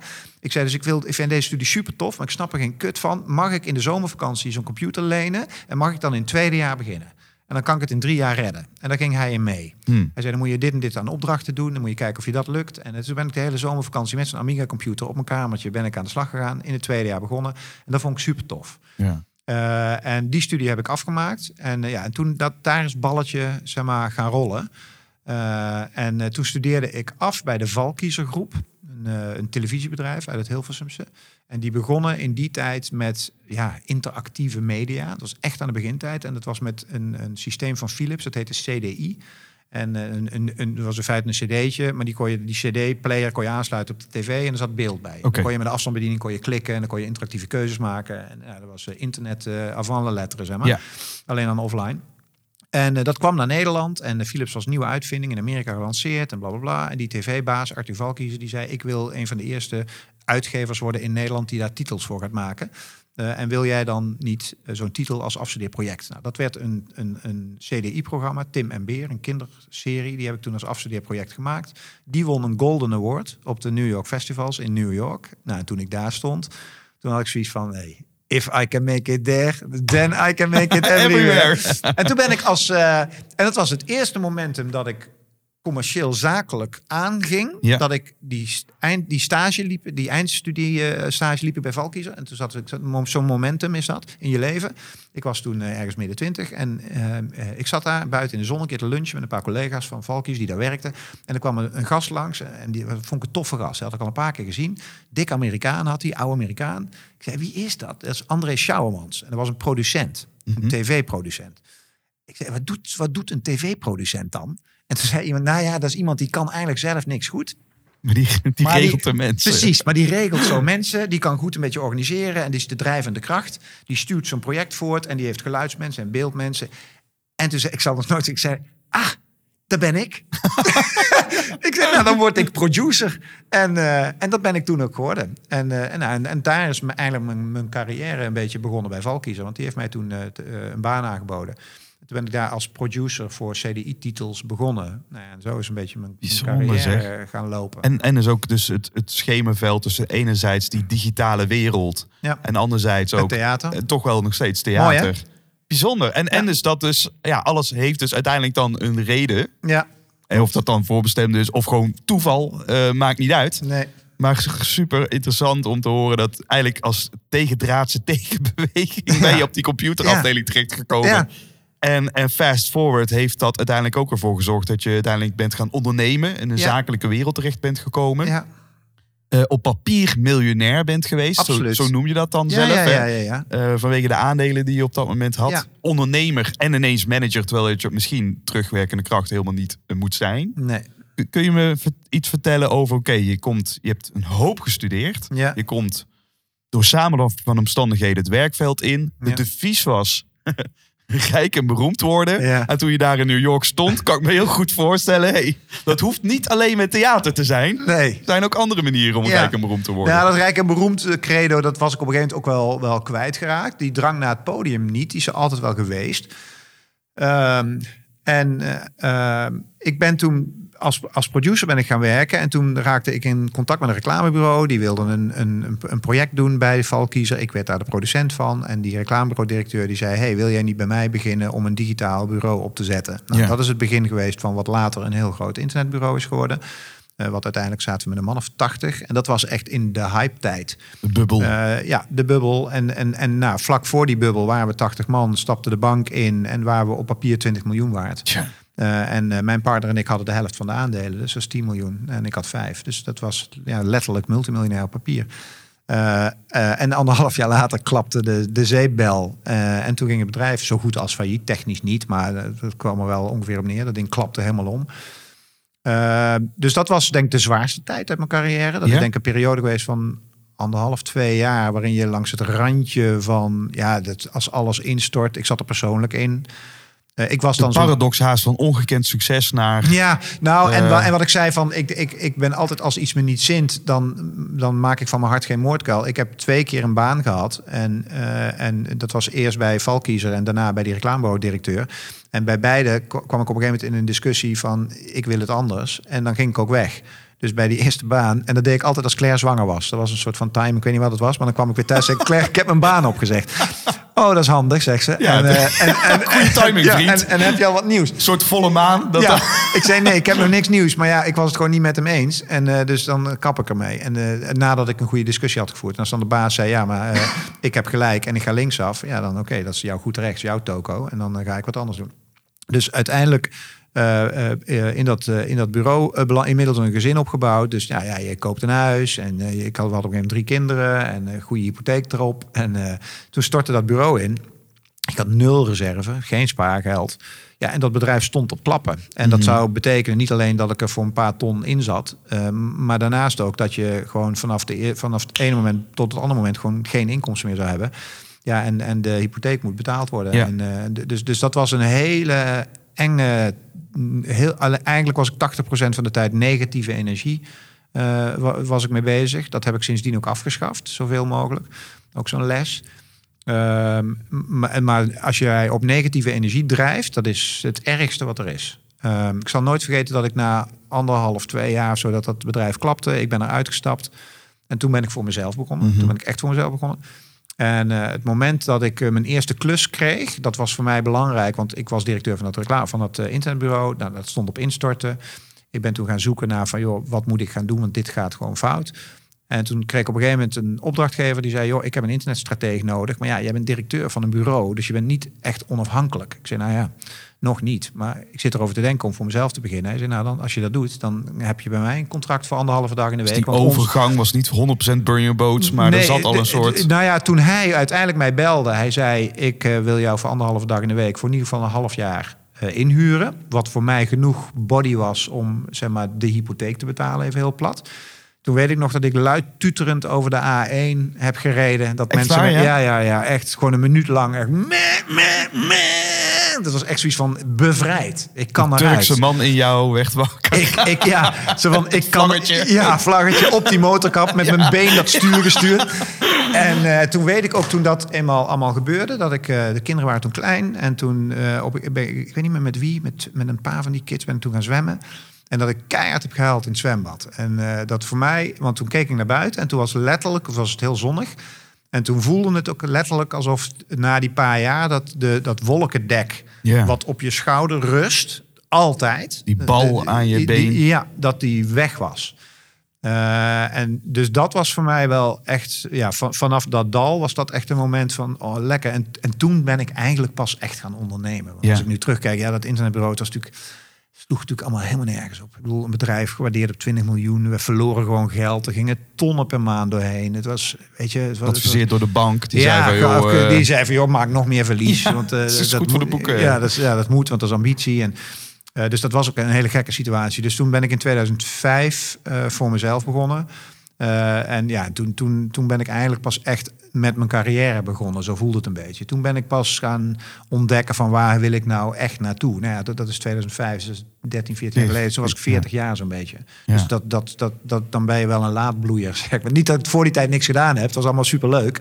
ja. Eh, maar toen werd ik pas gefocust, ja. Ik zo zeggen. Ja, misschien is dat een beter woord, ja. Ja. Want ik vind, ik, ik, ik ken genoeg mensen die, die ja, ik zie nu vijftigers die nog steeds zeg maar in het weekend wegen zijn. Zal ik nog, Ja, weet ja, je wel? ja. Eh, ik wil eigenlijk voor Daar mezelf. heb ik minder last Maar van. ik heb een hypotheek en ik heb babababa. En ik denk, en ik denk van joh, met, met de, hoe, weet, heb geen idee hoe oud we gaan worden. Ja. Eh, en alsjeblieft, ga, gaan die laatste 30, 40, misschien wel 50 jaar Ja. niet eh, uitzitten met iets waar je geen energie van krijgt. Nee, nee. En jij zegt ook heel mooi, er kwam een heel duidelijk moment. Ik zeg, nu schaf ik eh, de negatieve Ja. drijfveer schaf ik af. Ja. Hoe heb je dat gedaan?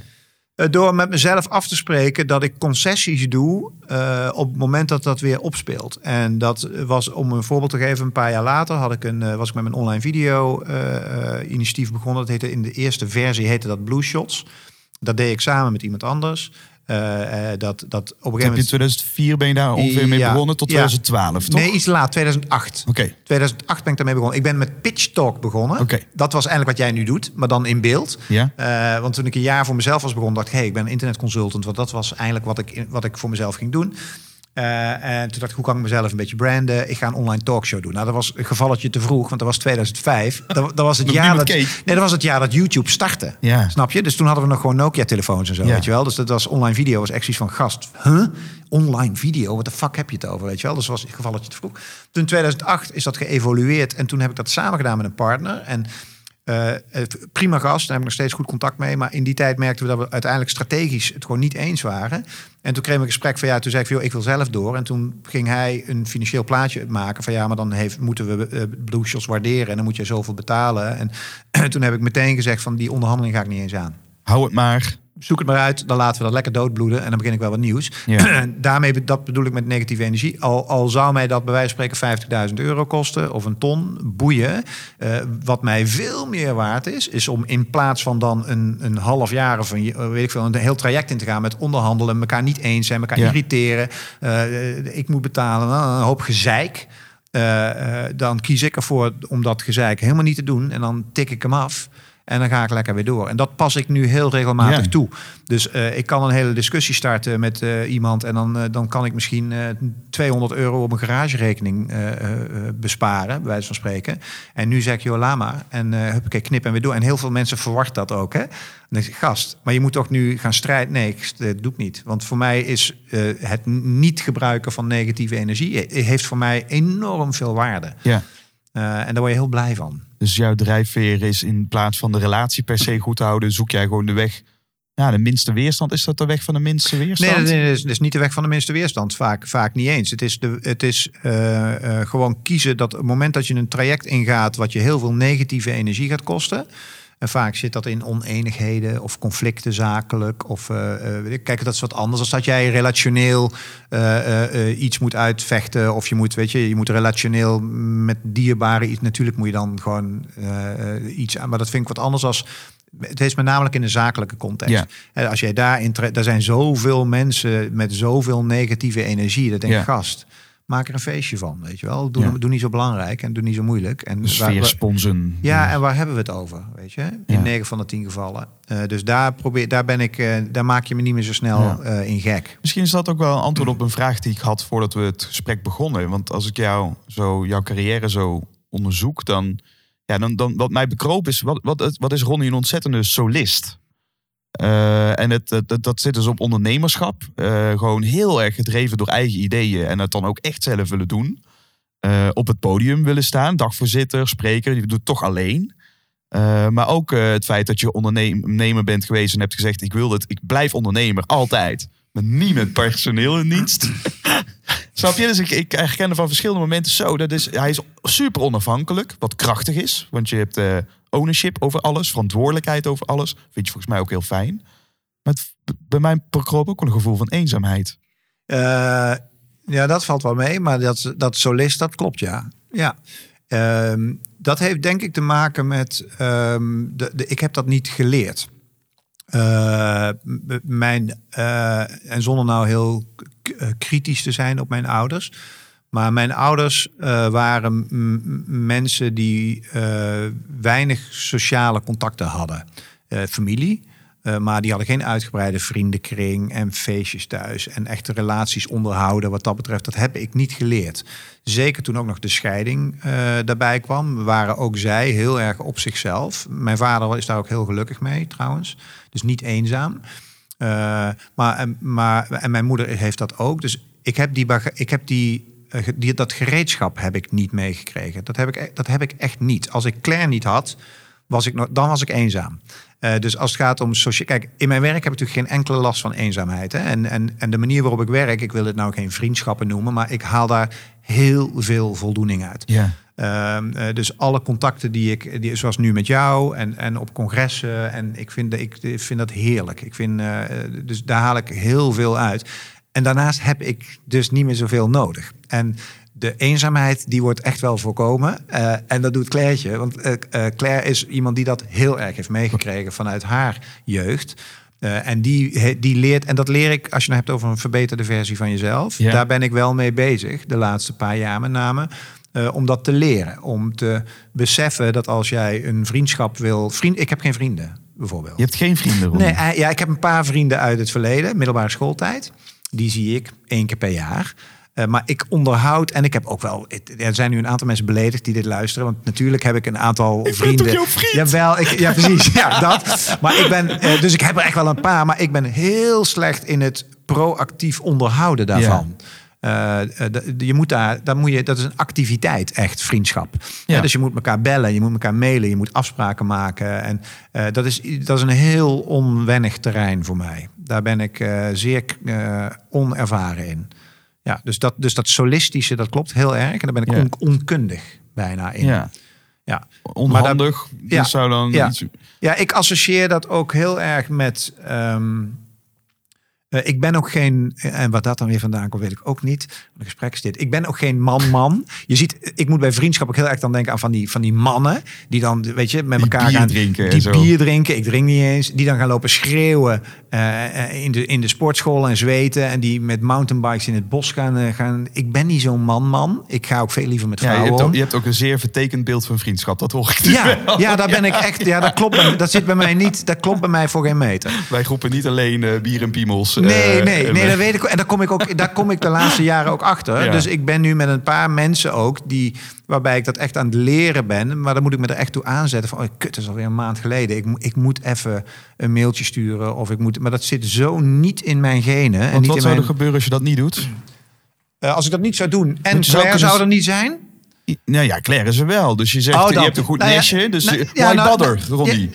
ja, nou, omdat het mij verrijkt. Oh, Omdat je merkt dat eh, wederkerigheid. Hè? Dus, dus je, je merkt, ik heb nu bijvoorbeeld een, eh, en die mag ik wel een vriend noemen, Ruben. Die eh, de, is een gezamenlijke vriend. De Ruben en Jacqueline zijn vrienden van Claire en mij.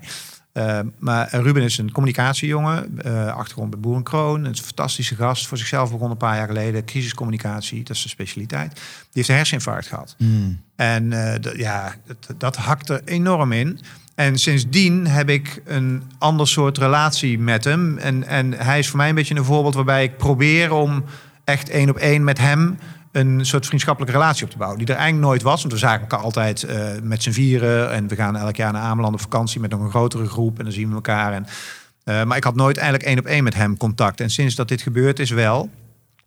Eh, en dus we, we appen regelmatig. En eh, hij is heel erg betrokken bij wat ik doe, bij het vak. Hij vindt wat er gebeurt in de wereld van communicatie en technologie vindt hij interessant. Dus daar hebben we inhoudelijk hebben we het erover. Eh, en één keer in de maand of zo, dan pik ik hem op. Want hij is met name lichamelijk heel erg, hij is halfzijdig compleet verlamd. Dus hij, kan, hij kan niet meer auto rijden, helemaal niks.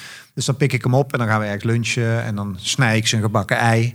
Want dat, ja, weet je, dat, dat, dat kan hij ook niet. Maar, maar wat dat betreft, is, dus dat is een soort hernieuwd iets geworden. Ik ken hem al veel langer.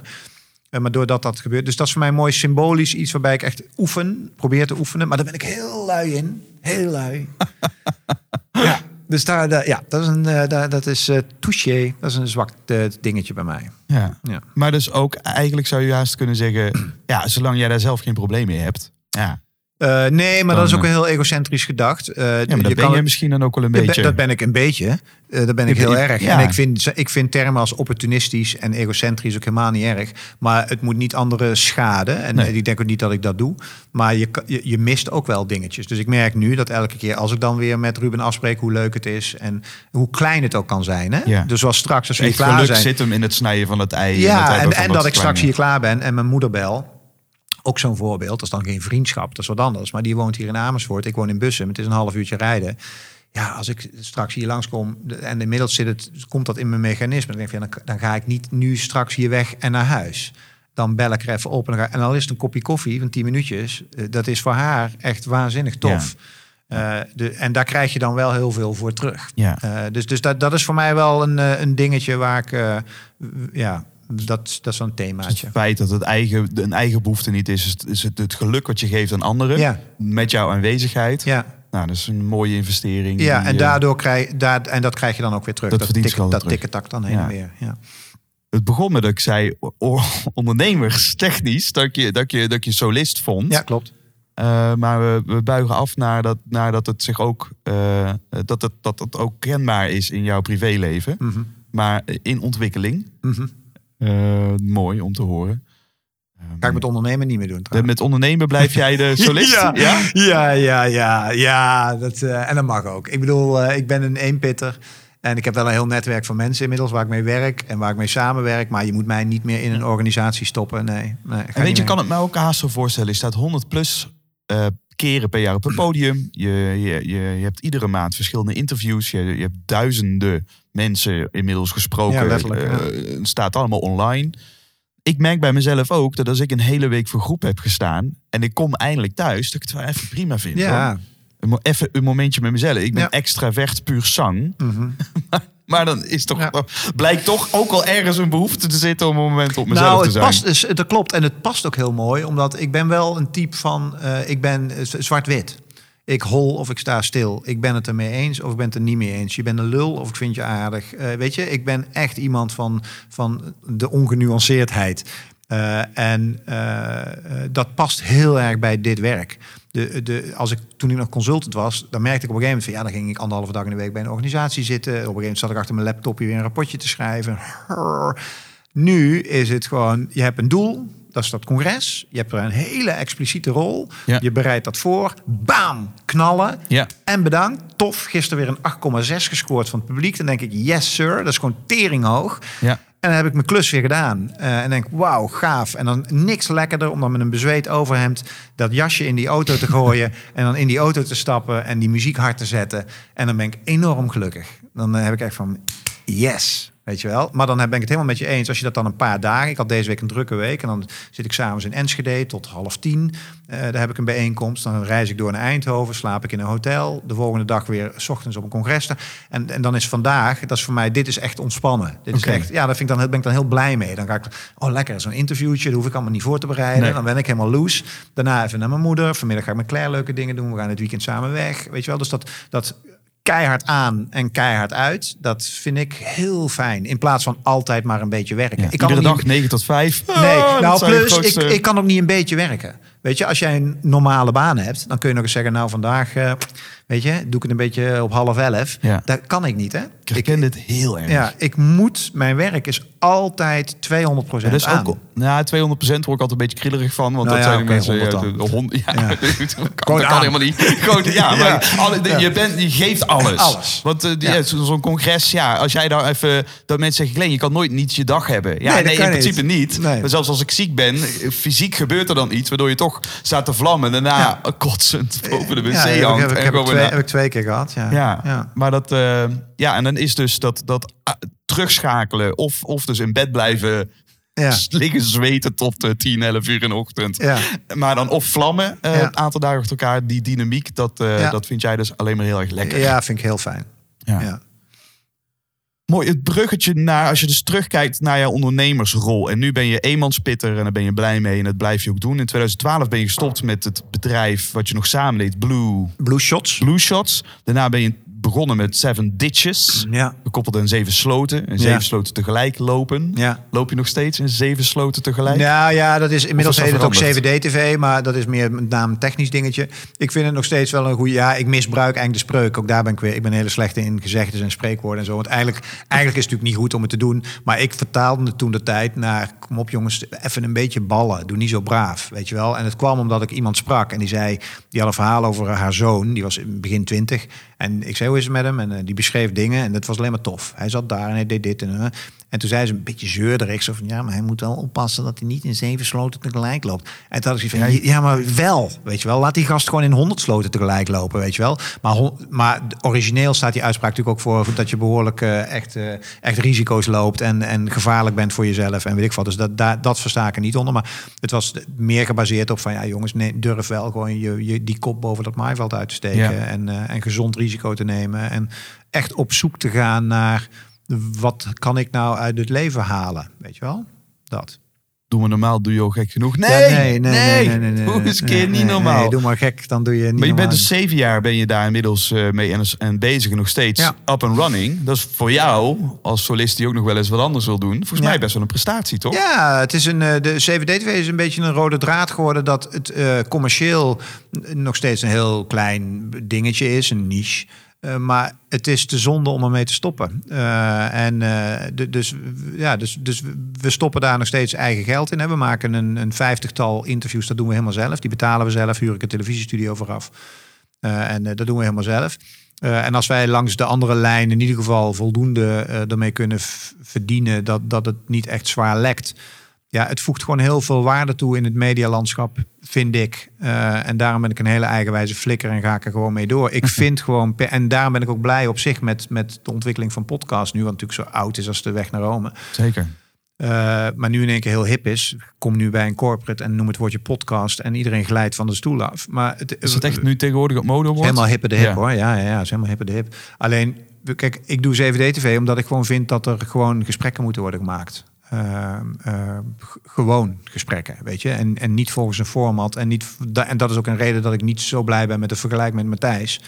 Want Matthijs is dus, dat is een computer. Dat is zo'n strak geleid format. En daar Ja. weet je ook als gast dat je één ding niet krijgt. En dat is een normaal gesprek. Want je wordt gewoon geframed en in een hoek geduwd, redactioneel. Dus Ja. ik vind dat ik kijk nooit DWDD. Ik kan er ook niet naar kijken. Eh, dus ik vind Matthijs een schat van... Ik heb hem één keer mogen interviewen. Hij is een hele verlegen jongen van nature. Maar ik zou hem dolgraag uit dat keurslijf trekken... en zeggen, Ja. kom nou naar 7D-TV. En ga nou eens gewoon in de stoel zitten... en leer nou eens alles af wat je geleerd hebt... de afgelopen 10, 20 jaar. En ga nou eens gewoon mooie gesprekken maken. En, maar dat kan in het televisielandschap kan dat niet. Want En radio eigenlijk ook niet. en, hè, nee, bij nee, nee. BNR Het, het met, hele eh, klassieke medialandschap is wat dat betreft wordt geregeerd door de advertising, eh, door het adverteersmodel. En dat betekent dat ik vijf minuten voor het einde van een gesprek tegen jou zeg in de studio: ehm, Ik leg nog even een korte vraag die ik je zou willen stellen tot slot. Dat doe ik omdat jij anders je kapot schrikt, omdat jij vergeet de tijd. Doen Ja. gasten heel vaak. Eh, en dan zeg je in één keer bedankt. En dan zeggen ze op camera, huh? Huh? Is het gesprek nu al voorbij? Dus ik leid soms mensen, als ik zie dat dat gebeurt, leid ik ze een beetje naar het einde. Dat is gewoon prettig. Ja. En dan krijg je een mooi rond einde. Op televisie, no fucking way dat eh, Jeroen Pauw dat doet. Want wat zie je in de kijkcijfers? Mensen zijn al niet geïnteresseerd. Dus op het moment dat Jeroen Pauw zegt, tot slot nog één vraag. Zap. En de helft van het publiek is weg. Ah. Dus, eh, dus het feit dat televisie is natuurlijk gebaseerd... Ik heb John de Mol gesproken. Die zei, The Voice heeft elke twee minuten een impuls. Dat kan een jingletje zijn, dat kan het einde van een liedje zijn... dat kan eh Krabbe die even in beeld komt. Elke twee minuten heeft iets om met maar één doel... dat is om het publiek erbij te houden. Dus het publiek, dat moet je nagaan wat hij zegt. Hè? Het publiek wil dus eigenlijk weg. Ja. Dat zegt hij. Maar elke twee minuten trekken we hem erbij, trekken we hem erbij, trekken we hem erbij. Moeten met maar één doel. die moet weer... Met, nee, met, maar één, met maar één doel. Nee, daarom niet. Met maar één doel. Om een zo groot mogelijke massa kijkers de commercials in te duwen. Ja. Want dat is het doel. Dus ik zeg ook wel eens, ook naar Uitgeef Nederland... Hè, ook naar de, de, de, de, de, de niet-televisiebedrijven... maar naar de persgroepen en de FD's van deze wereld... die worden hierdoor gere- geregeerd. Dus De programma's worden een vervoersmiddel voor de ja, commercials. de, dus het, de, de, het doel is het exploitatiemodel... en het middel is de content. Ja. En daar weiger ik in mee te gaan. Het zou andersom Want, dan zou, zijn, nee, want in dit model is er dus geen bestaansrecht voor 7D-TV. Nee. Snap je? Eh, en dan denk ik, hoe disrespectvol ben jij? Als ik een gesprek maak en er kijken 2000 mensen naar...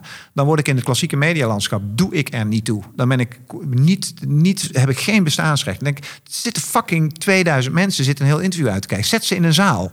Weet je, dat zijn mensen die dit willen zien. Ja. Ik hoef dus ook geen methodiek of trucjes toe te passen om het publiek erbij te houden. Want als je het niet wil zien, moet je vooral niet kijken. Ja. Eh, dus eh, we hebben gewild bereik. Eh, en dan kun je tegen mij zeggen, ja, advertising industrie. Dan zeg ik, ja, gast, een bannertje die ik vanaf de eerste seconde tering irritant vind en zo snel mogelijk wegklik. Of ik maak een interview waar jij met je logo tussenin staat, voor mij part, want dat is ons commerciële model. Ehm, de, de- en daar kijken mensen 20 minuten naar. Dus ook nog eens een keer commercieel wordt er met twee maten gemeten. Maar hoe los van het commerciële model, want dat is niet eens de drijfveer waarom ik CVD ben gestart. Dus wij zijn CVD-TV gestart omdat wij gewoon vinden dat dit soort gesprekken tof zijn om te maken. En dat is precies waarom jij dit bent gestart, is intrinsiek intrinsieke behoefte om dit soort gesprekken te doen. En tuurlijk moet je daarnaast kijken naar een commercieel model. Maar ik ben een groot pleitbezorger ervan dat dat hele medialandschap eens een keer wordt omgeflikkerd. eh, en dat adverteerders eens een keer opzouten. Ja. En als je dus nu kijkt, hè, Ronnie, nou, want je, je volgt internet vanaf de- zijn beginjaren. Eh, de ontwikkeling wordt steeds groter. Je ziet een nieuwe generatie die eigenlijk steeds minder tv kijkt, steeds Ja. meer op online platformen kijkt. Eh, de, de, eh, de vloggers worden tegenwoordig ook rijk eh, door middel Ja. van eh, eh, advertising, sluikreclame, eh, Ja. veelal. Ja. Ehm, hoe, hoe gaat het? Dus je hebt, ik voel je strijd. Er is, Mm. een, er is een vijand. Ja. Ook marketingtechnisch goed om dat te hebben. Eh, hoe, hoe, hoe gaat het met de strijd? Nou ja, ik voer die strijd op zich ook. Want ook hier weer, als je niet oppast, ga je die negatieve energie weer in. Dus het Ja. wint mij wel op, merk ik elke keer weer. Ja. Het pisses me af. Ja. Eh, maar dat betekent dat ik daarnaast dus een, eh, een route creëer waarin ik gewoon mijn ding kan doen. Eh, en, en me liet- niet laat storen. En, ik, en, en ik ook niet bang ben om elk momentum dat het ter sprake komt, dat ik, dat ik het ook weer ter sprake breng. En probeer om, om van invloed te zijn op anderen en dat ze meegaan in, in de manier waarop ik dat doe. Eh, en dus daar focus ik me liever op, want dat is positieve energie namelijk. Hè. Hoe kunnen we CVD-TV en het principe wat daarachter zit verder brengen? eh, in plaats van vechten tegen de bierkaai. Want dat heeft niet zoveel zin. Want kijk, aan de andere kant, kijk, het, het, wat John natuurlijk, John de Mol natuurlijk wel snapt, is ja, geef het volk brood en spelen. Hè? Dat Ja. is natuurlijk een, een spel. Kijk, Ja, het Ja. ging terug al in de Italiaanse ja, vroeger, ik zeg altijd, vroeger flikkerden we, flikkerden we een crimineel en een leeuw in de arena. Eh, en nu heet het SBS. En nu laten Ehm, ze zingen. ja, en dat is natuurlijk wel wat 80% van Nederland heeft een kutbaan en zit s'avonds met bier en chips voor de buis en kijkt naar wat John de Mol maakt. Ehm, en dat is wel, eh, dat is wel wat er aan de hand is. Ehm, Wat vind je daarvan, Ronnie? Wat vind je van het feit dat... Kijk, ik ben ook een beetje... Ik ben zoekende in mijn stip aan de horizon. En ik, ik, ik doorzie... Hè, neem fucking verantwoordelijkheid voor je eigen leven. En het Ja. leven is... Ja, de resultaten in je leven zijn niet gekoppeld aan de omstandigheden... maar gekoppeld aan de keuzes die je maakt. Ja. Dat probeer ik mensen mee te geven. En toch zeggen we, hè, 80% zit gewoon chips vretend op de bank. En, en, en, en, en leeft voor die twee dagen en mag daarna weer vijf dagen overleven. Is dat gewoon een vaststaand feit? Moet ik dat accepteren? Of, of dus Eh, ja, ik word daar heel moralistisch van. En dat, baal ik ook van. van maar, daarin vind ik televisie dus bijna schadelijk. En daarin word ik nog veel... En bij John vind ik het nog niet zo erg. Want John is gewoon een tering commerciële man. En daar hou ik van. is gewoon een keiharde ondernemer. En die denkt, dit werkt, massa is kassa. En gelijk heeft hij. De publieke omroep vind ik een heel ander verhaal. Met een schijnheilige gedoe over maatschappelijk belang. Fuck jou. Het is gewoon eigenlijk ook een commerciële omroep. Werken volgens exact dezelfde procedés. Nou, nu steeds minder gelukkig. Hè. Het wordt langzamerhand wordt het gewoon uitgeknepen. En uiteindelijk sterft het af. En terecht. Want ik vind niet dat de overheid media moet eh, subsidiëren. Eh, en, maar daar word ik wel eens boos om van... ze maken het publiek ook niet slimmer. Weet je wel. Eh, en ik snap ook wel dat het publiek vermaak wil. Maar misschien moet je dan wel. Misschien leven, komen we dan wel naar een wereld toe waarin het vermaak zo over die edge is dat het theater wordt. Hè? Als ik, ik heb drie kids in de twintig. En die kijken dan naar dat, naar van die programma's waarbij dan van die geile stelletjes bij elkaar worden gezet en dan elkaar gaan neuken en zo. Weet je wel. En allemaal vreemd gaan. Ik weet niet hoe die programma's, hoe heet dat? Eh, Temptation Island ja, of zo? dat soort dingen, dat soort Ja. shit. Dat is zo over die edge. Ja. Eh, en dat wordt ook echt niet. Ik bedoel, mijn kids die kijken daarna hè? en die vinden dat geweldig. Maar niet omdat zij denken dat het echt is of zo. Nee, zij snappen dat dit Zij gewoon snappen- een karikatuur dit van je zijn- is. Ja, en dit zijn, dit zijn of domme gasten of slimme gasten die in het snabbelcircuit willen belanden. Of, Ja. Dus die snappen eh, exact wat daar gebeurt. En die vinden het gewoon vermaak. Ja. En, en, en die zitten dat gewoon enorm lachend, gierend zitten ze dat te bekijken. En dan denk ik, oké, dat is zo. Misschien gaan we daar dan wel naartoe als het gaat om media entertainment. Dat het nog veel erger wordt in Ja. de ogen van. Beetje Japanse dingen. ja, dingen ja, gedaan, ja, ja, ja, ja, elkaar, ja, en elkaar pijn doen en eh, weet ik wat van Ja. onzin allemaal. Hoe edgier, hoe beter. Eh, maar aan de andere kant vind ik dat een, dat een publieke omroep kijk wat, er in, kijk wat er allemaal om ons heen gebeurt. Kijk wat er met het onderwijs fout is. Kijk hoe de zorg vastloopt. Kijk hoe het politieke systeem... Er is zoveel eh, interessants, vind ik, aan de hand. Aan de hand eh, dat ik bijna... Als je nou echt het gaat hebben over de publieke taak... Ja, dan zou, dan zou ik het televisie of video wel op een wat andere... Kijk, als je CVD-TV zou vertalen naar onderwijsdomein... Wij gaan nu, dat is wel heel mooi... we zijn nu benaderd door een organisatie die een opdracht... dat is een aantal organisaties bij elkaar... eh, waaronder de Landelijke Huisartsvereniging... en nog een aantal, die hebben ons benaderd. Eh, die zijn geraakt door de manier waarop ik gesprekken doe. Eh, en die gaan nu een programma starten, want ook bij de huisartsen is nogal wat aan de hand. Hè. Die, de huisartsenorganisatie verandert heel erg. Eh, eh, de- de- het is niet meer de, de ouderwetse dokter met de tas die 24 uur per dag eh, alles doet. Dat zijn nu veel vrouwen die ook gewoon een privéleven hebben. Die zeggen, ik doe om zes uur die deur dicht. De, de, de huisartsenpraktijken zijn steeds meer een soort van bedrijven geworden. Ja. Daar werkt heel veel ondersteunend personeel, praktijkondersteuners, doktersassistenten. Daar gebeurt heel veel. Hoe zorg je er nou voor dat die organisatie naar de toekomst toe... er zit vrij veel druk op de ketel daar... Hoe maak je er, hoe zorg je ervoor dat huisartsen en ondersteunende eh, diensten, eh, andere me- medewerkers die daar werken, dat zij duurzaam inzetbaar blijven naar de toekomst toe? Nou, daar wordt een heel programma nu voor gemaakt door een aantal organisaties. Dat gaat een aantal jaren draaien met workshops, evenementen, noem maar op. Dat thema moet op de kaart. En een onderdeel daarvan was een soort impact movie die ze wilden maken. Maar toen kwamen ze bij ons in aanraking en zeiden ze... verrek, maar we kunnen ook een serie interviews, gesprekken maken. Want dat is wat ik zei. Ik zei, waarom niet in gesprek met zo'n... hu- Ik zei, als die urgentie er is, haal ik het Laat er ze wel maar uit. praten, Laat ja. ze maar praten. En dat gaan we nu doen. Dus dat heeft helemaal niets te maken met CVD-TV als platform voor ondernemers. Maar Maar, wel met eigenlijk de kern van waar zit nou de waarde. Dat zit veel meer in het feit dat wij doen gesprekken op een andere manier dan Matthijs dat doet. En wij doen gesprekken op een andere manier dat de journalistiek dat doet. Ja. Eh, en, ehm, eh, en, en daar gaan zij nu voor. Daar ben ik super trots op. Dat we nu eigenlijk de echte kernwaarde van wat CVD-TV eigenlijk is... nu gaan vertalen naar een compleet ander domein. Wat niets te maken heeft met ondernemers. Of nou ja, trouwens zijdelings wel. Want de huisartsen zijn ook ondernemers Tuurlijk, wat dat betreft. ja. Maar dat is niet het thema van dit soort gesprekken. Dus dat, dat vind ik beren interessant. Om daarna te kijken van hoe... Dus ik, ja...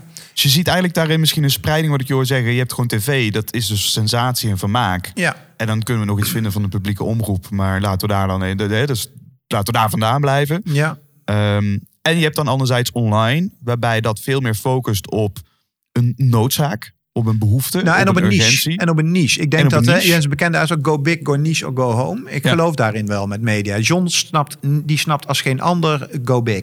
Weet je? En dat melkt die uit tot de laatste. Het gaat echt wel stoppen uiteindelijk, want het wordt zo versnipperd en allemaal on demand. En dus hè, televisie zit natuurlijk in de laatste fase van zijn bestaan. Maar hij melkt dat echt als een jekko uit en dat doet hij als geen ander. Eh, en aan de andere kant investeert hij ook wel in de, in, in de nieuwe garde. Dus, dus nou, met John hoef je geen medelijden hebben. Maar ik geloof dat alles wat middle of the road is, dat je daar eh, verre van moet blijven. Dat geldt trouwens denk ik voor heel veel takken van sport. Ook voor takken als retail en zo. En niche vind ik heel interessant. En het leuke van het online medialandschap is, is dat je niche kan zijn. En Ja. dat was natuurlijk in het oude landschap kon dat niet. Want je kon geen televisie maken als niche. Dat was alleen maar voor de grote jongens. En anders dis- kwam je niet op die dat- nee, je, kwam, beeldbuis je kwam niet op de beeldbuis. Je, je kon niet door de ether. Want dat was Nee, alleen maar voor de publieke en voor Ja. de commerciële. Eh, en, eh, en zelfs in de commerciële kon je dat niet. Want dan moest je langs de kabel raden. En dat is een heel ingewikkeld systeem. Eh, en het online landschap heeft dat natuurlijk volledig gedemocratiseerd. En iedereen kan nu zijn eigen kanaal of platform of podcast of videoserie of geef, geef het beestje een naam. Maar iedereen kan dat doen. En eh, ik denk dat, dat het heel interessant is om, om, om daarnaar te kijken. En dat vind ik boeiend. Hoe vindt iemand zijn... eh, ik kan me voorstellen, als spreker is het exact hetzelfde. Mhm. Wa- wat, waar, hoe presenteer jij zelf als spreker? Wat, wat heb je te melden? Ja, iets met leiderschap. Ja. Ja. Dat is geen niche. Nee. Dit focust zich op over gesproken, maar korte met, met plankenkoord spreekt met meer impact. Is Ja. dat een niche of is dat eigenlijk ook al veel te breed? Nee, ik denk dat dat, dat is al redelijk breed. Ehm, de- want je, je hebt, je, kijk, spreken is, is, in de, is al breed. Hè? Want je kan, je kan pitchen om investeerders binnen te halen. Dus daar moet je voor spreken. Je kan spreken als vakspecialist op een congres. Je Ja. kan spreken als manager voor je, eh, voor je Club. team. Eh, je kan spreken als eh, bureau om een klant binnen te halen. Je kan spreken als arts om met patiënten te spreken. Kortom, dat heeft ook. Dus je kan daar alweer honderd niches onder hangen. Eh, maar in vergelijking met massamedia eh, is dit natuurlijk wel een heel duidelijk eh, domein. Dus, dus in zoverre is het, ja, alles is relatief. Maar, maar als je kijkt naar, naar het, het massakanaal, is dat. Maar je ziet dat BNR natuurlijk ook nu gaat doen. Hè. Die gaan natuurlijk ook nu die Ja. omarmen als een dolle podcast. En daarbinnen pakken ze dan allemaal thema's. Trekken nou de En, grote mensen als Ben Tigelaar Ja. binnen. alleen ook daar, ja, die, die- die zijn nu nog steeds wel heel erg. Het DNA is nog heel erg gebaseerd op het uitzenden. En dat is natuurlijk iets wat online niet aan de orde is. Uitzenden. Bedoel, waarom zou je live uitzenden? Ik bedoel, je doet het gewoon on demand. ik vind het wel mooi. En wat ik wel mooi vind en ook eh, aan jouw format, eh 7D TV, is dat jij enerzijds neem jij wel de tijd in het gesprek. Tegelijkertijd eh, is dat wel kort genoeg om het Ja. even, even te kijken. Dus volgens mij is iedere interview duurt niet langer dan 30 minuten. Nee. Eh, ik ga daar, ik ga volledig nat op alle marketingadviezen. Want alles onder een uur is prima. Als je boven een uur gaat, ga je mensen kwijtraken. Mhm. Mijn meest gekregen feedback is Glenn. Anderhalf uur duurt wel lang hoor. Ik zeg ja, dat klopt ook. Maar ik ben blij dat die mensen tegenover me zitten. Ik denk, ja, ik ga gewoon anderhalf uur pakken. Ja. En volgens mij zie ik een businessmodel. Dat over een jaar heb ik zoveel content. Nou, ik heb gewoon 15 minuten best of van iedere aflevering online staan. Met eh, de samenvattingen en Ja. handouts. Met praktische tips. Ja. Maar daar mag je voor betalen, als je wilt. Nou, het is, ik denk dat, en wij hebben ervoor gekozen om het even ook praktisch te maken. Wij zitten natuurlijk in een tv-studio, maken daar best wel kosten. Dus als ik elke, elke gast anderhalf uur ga interviewen, ja, dan... dan eh, Kun je minder, eh, minder Ja, het is een ander, ander model. Eh, wat niet wegneemt dat natuurlijk dit format is lekker, omdat je lekker laid back gewoon kan kletsen. En, en, en, voor de, en je zult daar een kleine groep mensen ook in meenemen, omdat natuurlijk de consumptie ook verandert. Hè? Ik bedoel, toen ik met 7D-TV begon, zeiden mensen: Gast, online, dat moet niet langer dan twee minuten duren. En toen keek ze en ik, wat, wat denk je nou zelf? Dan heb ik een toffe gast. En dan moet ik twee minuten gaan praten. What the fuck? dan Koos toch niet? Doe normaal, weet je wel. En eh, terwijl nu met podcast, ja, weet je, ik, weet je wat bijvoorbeeld een, een echt een, een steeds groeiende schare kijkers bij ons, dat zijn en luisteraars, dat zijn eh, studenten. En die gasten zitten gewoon online en die zitten in de tram of eh, die zitten, Ja. eh, die zitten Die in reizen uren per dag. Ja, die reizen uren per dag op een fiets of scooter of leenauto of eh, whatever. En, en die zitten gewoon podcast te luisteren of de audiovariant, geef een beetje na. Dus, dus, en dat geldt ook voor dit. Dat, ah, ja, dan moet ik volgende week naar Groningen. En met alle respect, maar Radio 1 en BNR heb ik op een gegeven moment ook al gehad. Ja, en de interface in de auto is natuurlijk langzamerhand eh, voldoende veranderd. Dat één klik op de knop en, weet je, en je hebt die keuze. Ja, en dan vind ik het heerlijk om. En als zo'n gesprek je dan pakt. Ja, dan is het aan jou om professioneel ervoor te zorgen dat je wel in die lengte, dat je er een soort flow in houdt en dat het blijft draaien. Eh, maar dan is, dan is eh, een uur of anderhalf is helemaal niet erg. Ehm, ik denk ook nog wel dat het en-en kan zijn, weet je, want dat doen wij ook. Hè. We hebben een gesprek van 20 minuten, maar we maken ook een korte variant. We maken daar teasertjes van, Ja. dus je, je knipt het op en je doet het. hè. dus je kan er van allerlei dingen mee doen. Het is een archief, weet je. Het is dus niet... Uiteindelijk is het eh, een, een, een- ja. precies een, een, een, een wereld en content waar je uit kunt Ja. putten ook, Ja. natuurlijk. En daar kun je technologisch ook nog steeds veel meer mee doen natuurlijk. Hè. Wij werken met een tool waarbij je spraakherkenning hebt, waardoor je alle video textueel geïndexeerd hebt. Dus het moment dat jij straks zegt, ik wil een kattenbelletje als iemand het over marketing heeft. Het moment dat wij dan een video publiceren en op 3 minuten 30 gebruikt iemand het woordje marketing. Dan krijg jij een kattenbelletje en je klikt op de link en je komt bij 3 minuten 30 binnen waarop iemand het over marketing heeft. dus, je Ah, kan, zo. dus daarin kun jij nog steeds, en dat is natuurlijk waar BNR mee bezig is, dat het eh, dus gepersonaliseerd radio en bla bla bla. Eh, eh, de- dus, dus technologie zal daar ook nog wel eh, een, rol in gaan spelen. Dat het steeds meer echt letterlijk on-demand wordt. Ja. Weet je? Dat, je kan je voorstellen als jij straks de auto instapt, dat ik weet wie jij bent. Ik ken jouw interesses. Ik weet dat jij in de auto stapt. Ik weet via je routesysteem dat jij eh, 38 minuten gaat rijden. En dan zeg ik tegen jou, wil jij 38 minuten 7D-TV? Eh, en dan zeg jij, ja, dat wil ik wel. En dan krijg jij Dan klopt. 38 minuten een op maat gesneden real-time eh, content eh, eh, flow. Dat is de Die toekomst. past, eh, ja, ja, ja. Dus dat is wel interessant. De vraag is dan gelijk weer van ja, want dat is natuurlijk wel het speelveld waar je in zit. Wat is het commerciële model? Dus wij zijn nu, wij maken nu in zoverre wel een beetje pas op de plaats. Dat ik ben wel een jongen die elk, elke week heb ik weer een nieuw idee. Dus ik kan wel tonnen blijven stoppen in 7D-TV, maar dat moet wel in, in, de, in de pas lopen met eh, de omzet die je ermee kan scoren. Dus wat dat betreft ben ik gewoon een klein niche-partijtje die daarin heel terughoudend is. Eh, maar daar zou je nog veel meer mee kunnen doen, ja, daar ben ik van overtuigd. Ja. En een van die dingen en nieuwe dingen die je hebt, heeft te maken met spreken en presenteren. Ja, ja, eh, één op één. Hoe heet het? Beter leren presenteren.nl. Ik, ik, ik kwam, ik, ja, ja, jij zei het in het voorgesprek al. Ik, ik kom natuurlijk zo vaak mensen tegen die, ja, die het niet goed doen, die wel een leuk verhaal hebben, die, eh, die, die beginnersfouten maken, die heel makkelijk zijn weg te vegen, die zenuwachtig zijn, die mij vragen om advies. En dus steeds, ik had, ik had op een gegeven moment zoiets van, ja, weet je wat, is- als ik nou eens gewoon een zootje mensen ga interviewen over dit vak. Eh, ik ken, ken er natuurlijk wel een paar. En dus ik ben er zo'n mailtjes uit gaan gooien van, vind je dat leuk? En dan reageerden allemaal, oh ja, tof, kom maar langs. En eh, dus ik heb een video C. Ik denk, ja, ga ik niet in de studio doen, want al die topsprekers, dan moet ik er acht op een dag in de studio hebben. Nou, Ja. dat is planmatig niet te doen. Nee. Eh, als je Jan van Zetten en Jos Burgers en Annemarie van Gaal en Ben Tichelaar en dan allemaal op één dag, dat, dat gaat niet. Dus ik heb een paar cameraatjes gekocht en een statiefje en een paar microfoons en gezegd van joh, zeg maar, wanneer heb je tijd? Dus ik heb uiteindelijk meer dan 15 eh, sprekers geïnterviewd. Dat was eigenlijk het initiële plan. Ik denk, nou ja, dan, dan ga, ik, ga ik daar wat mee doen. En meer plannen had ik niet. En toen ik daarmee bezig was, dacht wacht even, ja, maar het zijn allemaal weer lange video's. Moet iets van de cursus. En ah, weet je wat, als ik nou, ik kan ik er een soort van lessen uitplukken. Nou, dat ging wonderbaarlijk goed, want ik, dan luister ik van, oh ja, dit is wel een mooie concrete tip. Oh, dit is een mooie concrete tip. En uiteindelijk had ik meer dan 100 clipjes, monnikenwerk, allemaal zelf gedaan. Vind ik super tof. Eh, en eh, ja, vind ik echt, ja, ik vind het heel leuk om aan de ene kant zeg maar, te denken, te brainen en strategisch En bezig te lekker te pielen Maar ja, lekker te pielen. Lekker met mijn Adobe Premiere en shit. En dat vind ik echt super tof opnemen en, en plakken, knippen. Dat vind ik super leuk. dus uiteindelijk had ik 100 clips. En toen heb ik een platform uitgezocht. Dat heb ik niet zelf ontwikkeld. Eh, er zijn er een aantal van. Amerika heeft een paar hele mooie, maar die hebben allemaal geen Nederlandse betaalmethodiek. Daar een software systeem Ja, voor ja, bedacht? ja, echt een, cursus, een online education platform systeem. Er zijn er een flink aantal van. Amerika, een aantal hele mooie. Alleen die hebben allemaal niet een Nederlandse betaalmethodiek. Eh, dus dan kun je niet met PayPal Ideal. En, eh, eh, ja, Ideal. PayPal wel, maar geen Ideal. Nee. Dat is in Nederland toch wel echt een, een randvoorwaarde.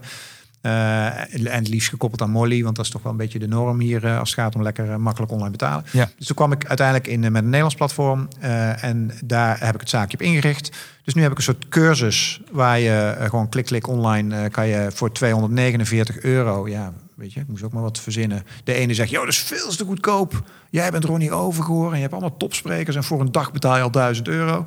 Tegelijkertijd dacht ik van ja, maar ik wil dat de freelancer of de ZZP'er of de, Ja. de, de professional binnen een organisatie, die loopt te stoeien met zijn eigen presentatie, die moet dat regelmatig doen. Die zit s'avonds een beetje te googelen, die komt die cursus tegen en die moet gewoon denken, fuck it, dat doe ik gewoon. En als je dan 1500 euro gaat vragen, en ik geloof ook wel dat het dat waard is, maar dan gaat hij dat niet doen. Nee. Eh, en bij 249 euro, en dan kan ik ook nog met wat kortingscodes, kan ik daar links en rechts wat mee spelen. Dan denk ik van ja, dat, dat, dat, dat past wel. En, eh, dus die heb ik nu net af, echt eh, as we speak. En dan is nu het plan, want ik ben heel goed in dit soort dingen verzinnen en creëren.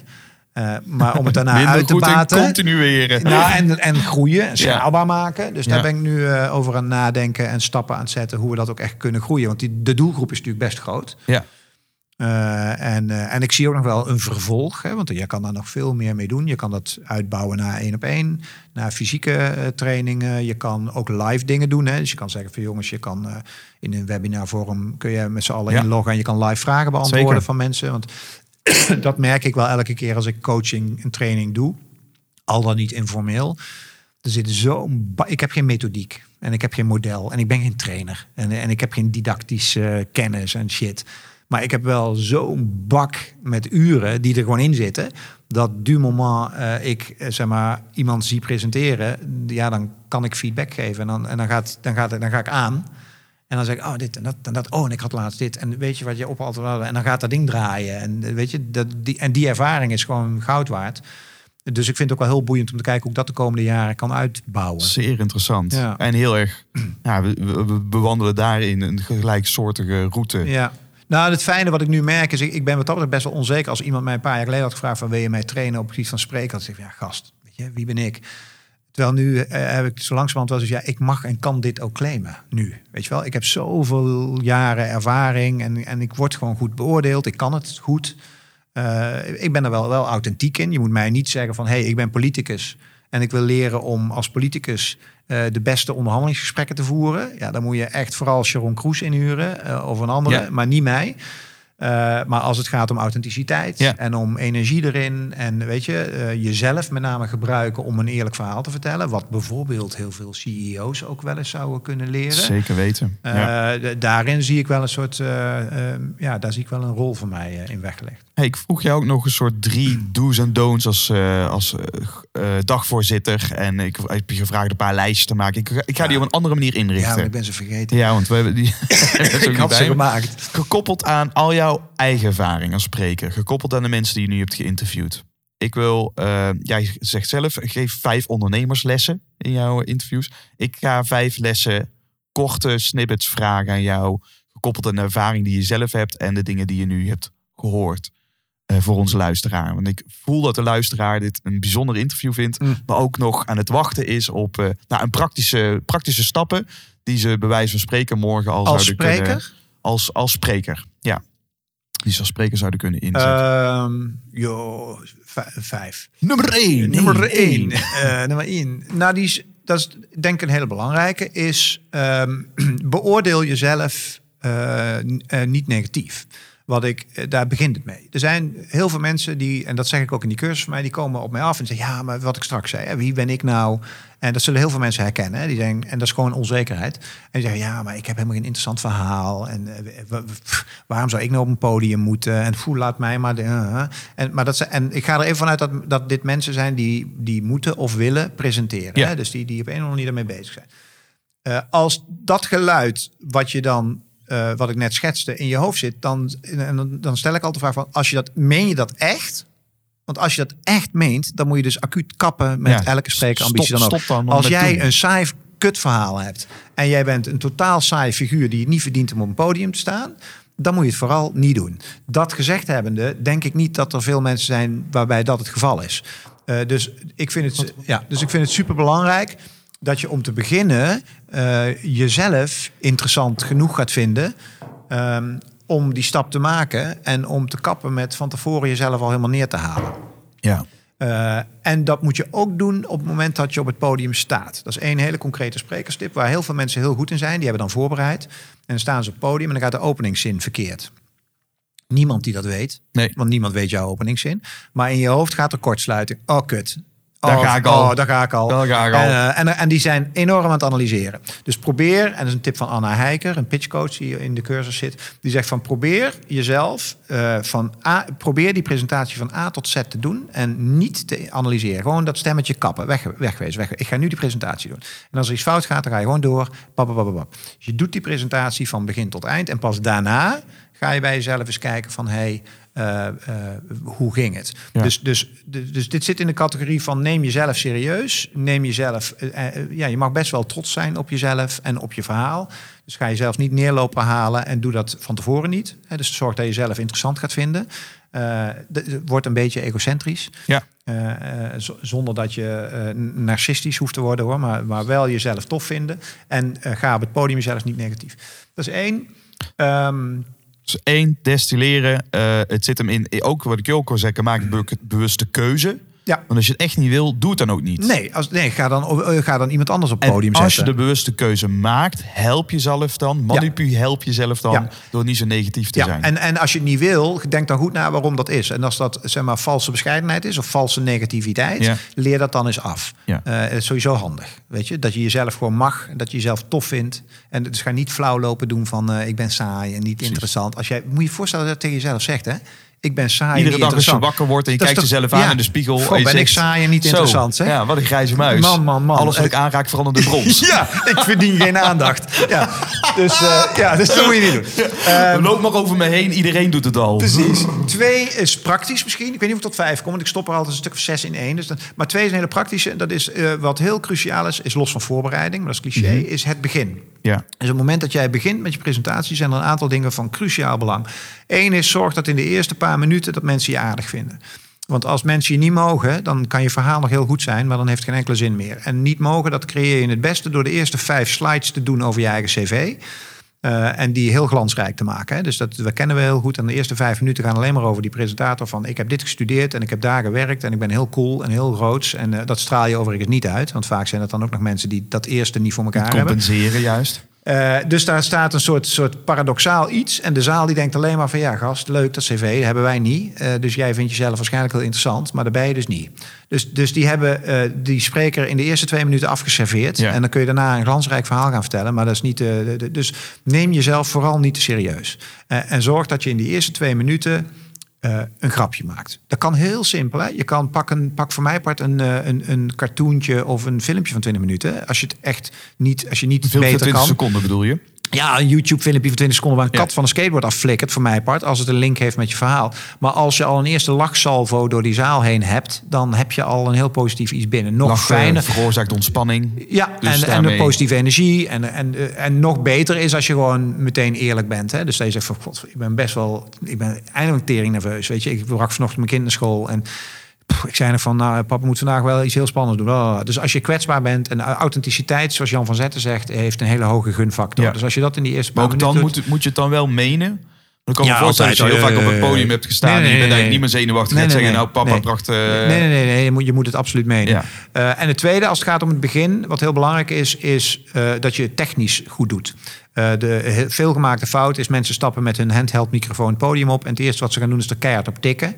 Doet, doet hij het? Doet hij het? Doet hij het? Sta ik aan? Eh, ja, sta ik aan. En nog erger, dat ze door hun zenuwen aan die knopjes gaan zitten en hem daarmee uitzetten. Ja.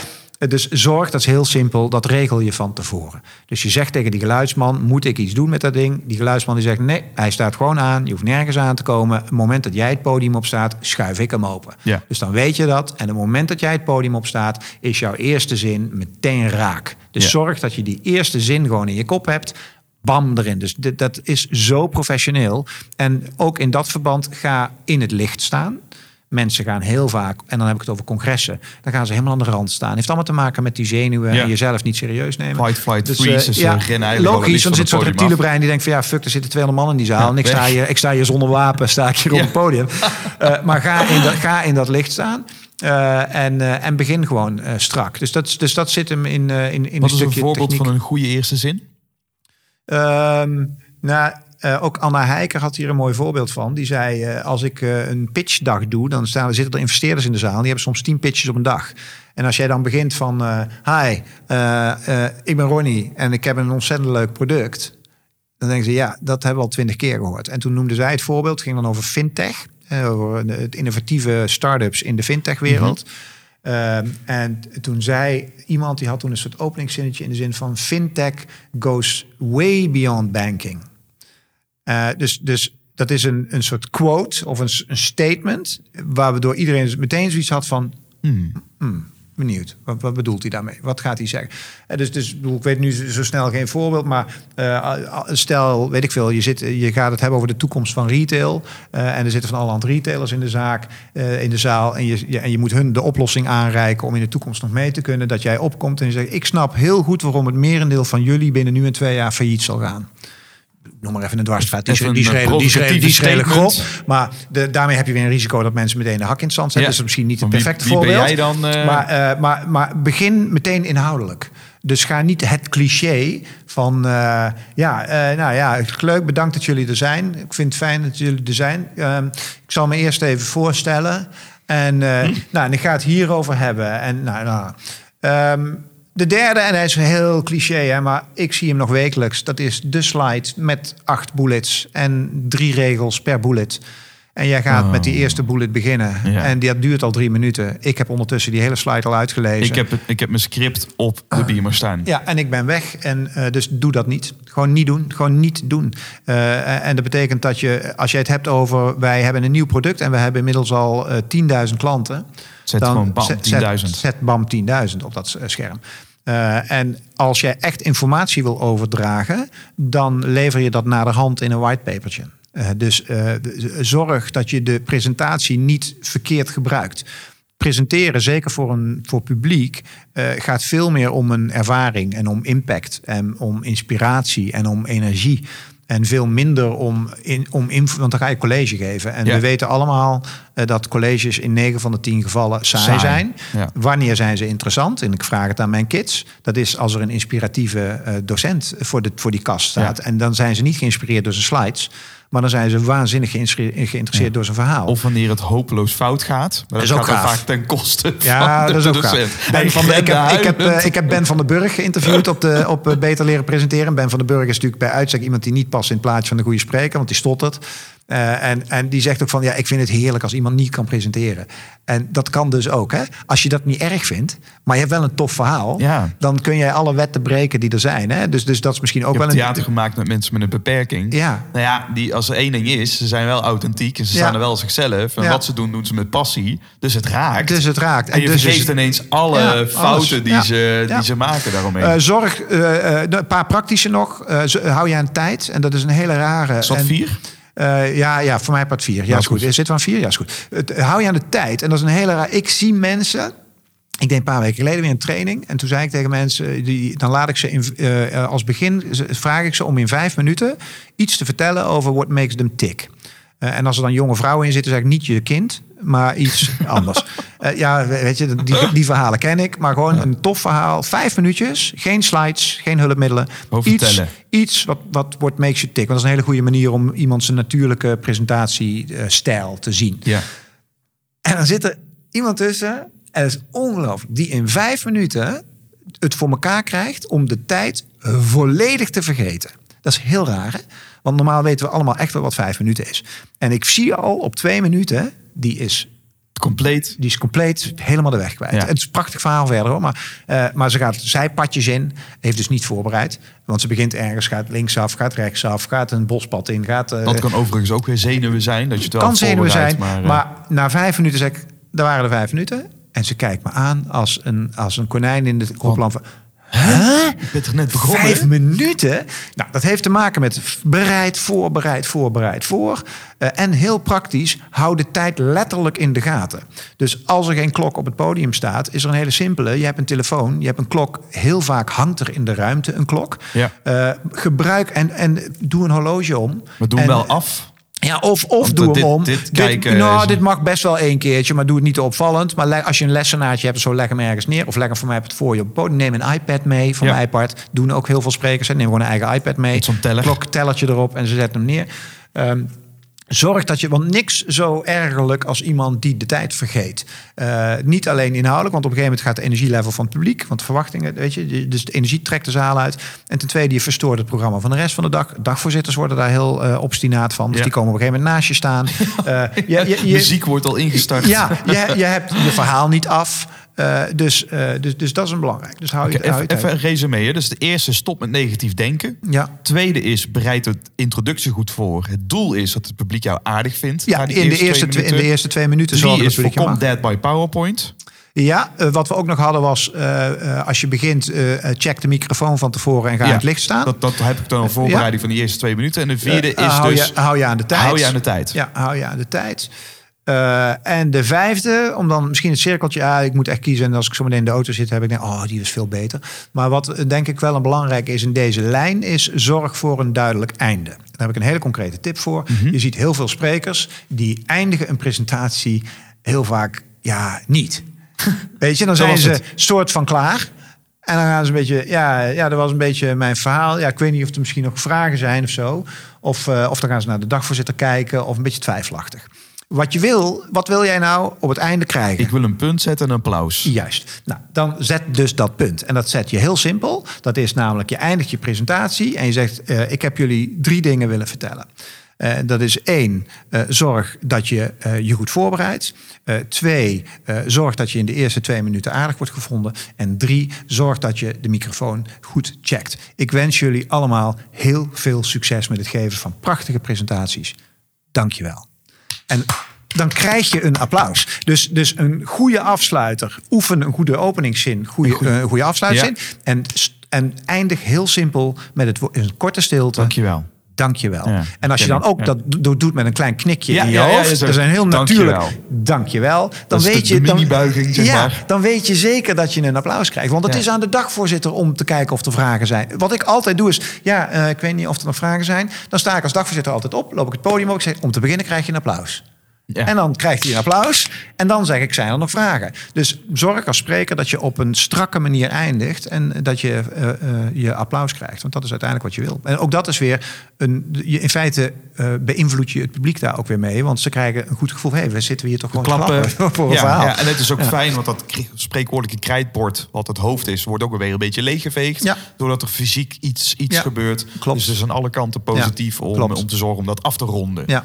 Ja. Ehm, dankjewel. Het is, eh, ik, ook nu de, je komt op, je stelt een vraag, dan denk ik meteen weer, oh, dan heb je van die congressen en dan staan mensen op en die stellen geen vraag, maar die uit of kritiek of die willen dan een eigen verhaal delen. Ja, ja, dus er zijn ook alweer allemaal vragen. Dat is de techniek van een dagvoorzitter. Dat is de Dan techniek kunnen van de we- ja, dagvoorzitter. Ja, ja, dat is een van de volgende plannen die ik heb. Want die, een, een cursus dagvoorzitterschap in de zin van... daar kan ik ook zo duizend tips over delen. Dus die komt er misschien nog wel. Doen we dat dan een andere keer? Lijkt Zullen we dat afspreken? goed plan, Glenn. Hoe vond je het? Ik vond het een leuk gesprek. Je hebt het goed gedaan. Dankjewel. Ik heb een laatste paar ontspotvragen. Die stel ik iedere spreker, eh, iedere gast. Dus dat zijn eigenlijk de laatste vragen. En Ja. dan, eh, dan, eh, dan weet je dus nu ook dat dus we langzaam richting de afronding gaan. En de mensen Yes. zijn weg. Ja. Dan gaan we. Wat is een boek wat jij zelf het meest cadeau hebt gegeven of wat je enorm heeft geïnspireerd? Je merkt al dat ik niet zoveel boeken lees. The Boy Who Harnessed the Wind. Dat is het verhaal van een... eh, en je moet niet de film gaan kijken. Want de film is echt kut. Eh, Is dat de oh, Boy in the White Pajamas? Of niet? Nee, een Boy. Who Harnessed the Wind gaat over een jongetje uit eh, Ethiopië, daar ergens in Afrika. Ik weet het land, het land moet je schuldig blijven. Eh, en eh, die woont bij zijn ouders, eh, heel primitief. echt een, Amerika of een Afrikaanse dorpse gemeenschap. Geen elektriciteit, helemaal niks. Zijn puur van de natuur afhankelijk voor het groei van gewassen. En die vindt, en loopt allemaal mis op school. Klein schooltje waar hij een keer naartoe mag met een paar oude boekjes. Maar dan wordt hij weer uitgeflikkerd, want pa heeft geen geld. Uiteindelijk belandt hij in de bibliotheek, een aardige bibliothecaresse. En die, daar leest hij een boek over elektriciteit. En met behulp van afval bouwt hij een windmolen. Eh, de, de, het radar van een fiets, eh, daarmee bouwt hij, nou, hij bouwt, er knutselt een windmolen in Ja. elkaar. En daarmee eh, voorziet hij op een gegeven moment het hele dorp van elektriciteit. En dat wordt opgemerkt eh, door TED. TED, voor iedereen Ja. die wil spreken, eh, daar hadden we het ook over. Er zit ook haak en oog aan. Want ik word wel eens van heel veel TED-talks een beetje verveeld. Omdat ze ook wel heel erg geformateerd zijn Mhm. inmiddels. Maar TED-talk is natuurlijk een inspirerend sprekersplatform. En die Anderson, Chris Anderson, die komt daarmee in aanraking. En die jongen die gaat voor het eerste keer het vliegtuig in. naar aanleiding van dat verhaal, wat dus opgepikt wordt. Eh, en eh, komt op het TED-podium te staan in eh, Amerika. En ik geloof dat hij er vier minuten op heeft gestaan. Want hij kon niet eens presenteren. Die jongen die scheet in zijn broek van... Ja, jongen, die jongen kwam vanuit een Afrika. Hoe heette de jongen? dat weet ik niet meer. Maar het boek heet The Boy Who Harnessed the Wind. kom je er lezen. Dus dit is, ook een mooi linkje met het sprekerscream. Ja. Maar het is prachtig om te zien. Die jongen is inmiddels gestudeerd internationaal. En ja, prachtig verhaal vind ik. En als het gaat over ondernemerschap, rijmt dat ook heel erg met de waarden Ja. die jij belangrijk Ja, vindt. ja, ja. Wat, ehm, wat is een product die van ongeveer tot 100 euro die jij hebt geïnvesteerd, waarvan je zegt, oh, daar kan ik andere sprekers ook wel zeker aanraden?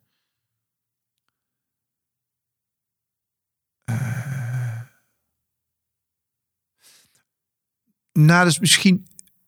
Dat is niet een product van 100 euro, maar het heeft er wel mee te maken. Dat is een printer. Die kost misschien iets meer. Maar de instellingen van de printer. Eh, eh, ik gebruik als spreker, met name als dagvoorzitter, maar ook als spreker is dat helemaal geen schande. Q-cards. Q-cards zijn kleine kaartjes in je hand. Dus dat is dan een extra tipje nog even. Eh, dus koop een printer die een achterlader heeft. Eh, ik heb daar een aparte instelling, dat is even één instelling. En die heet Q-cards klein.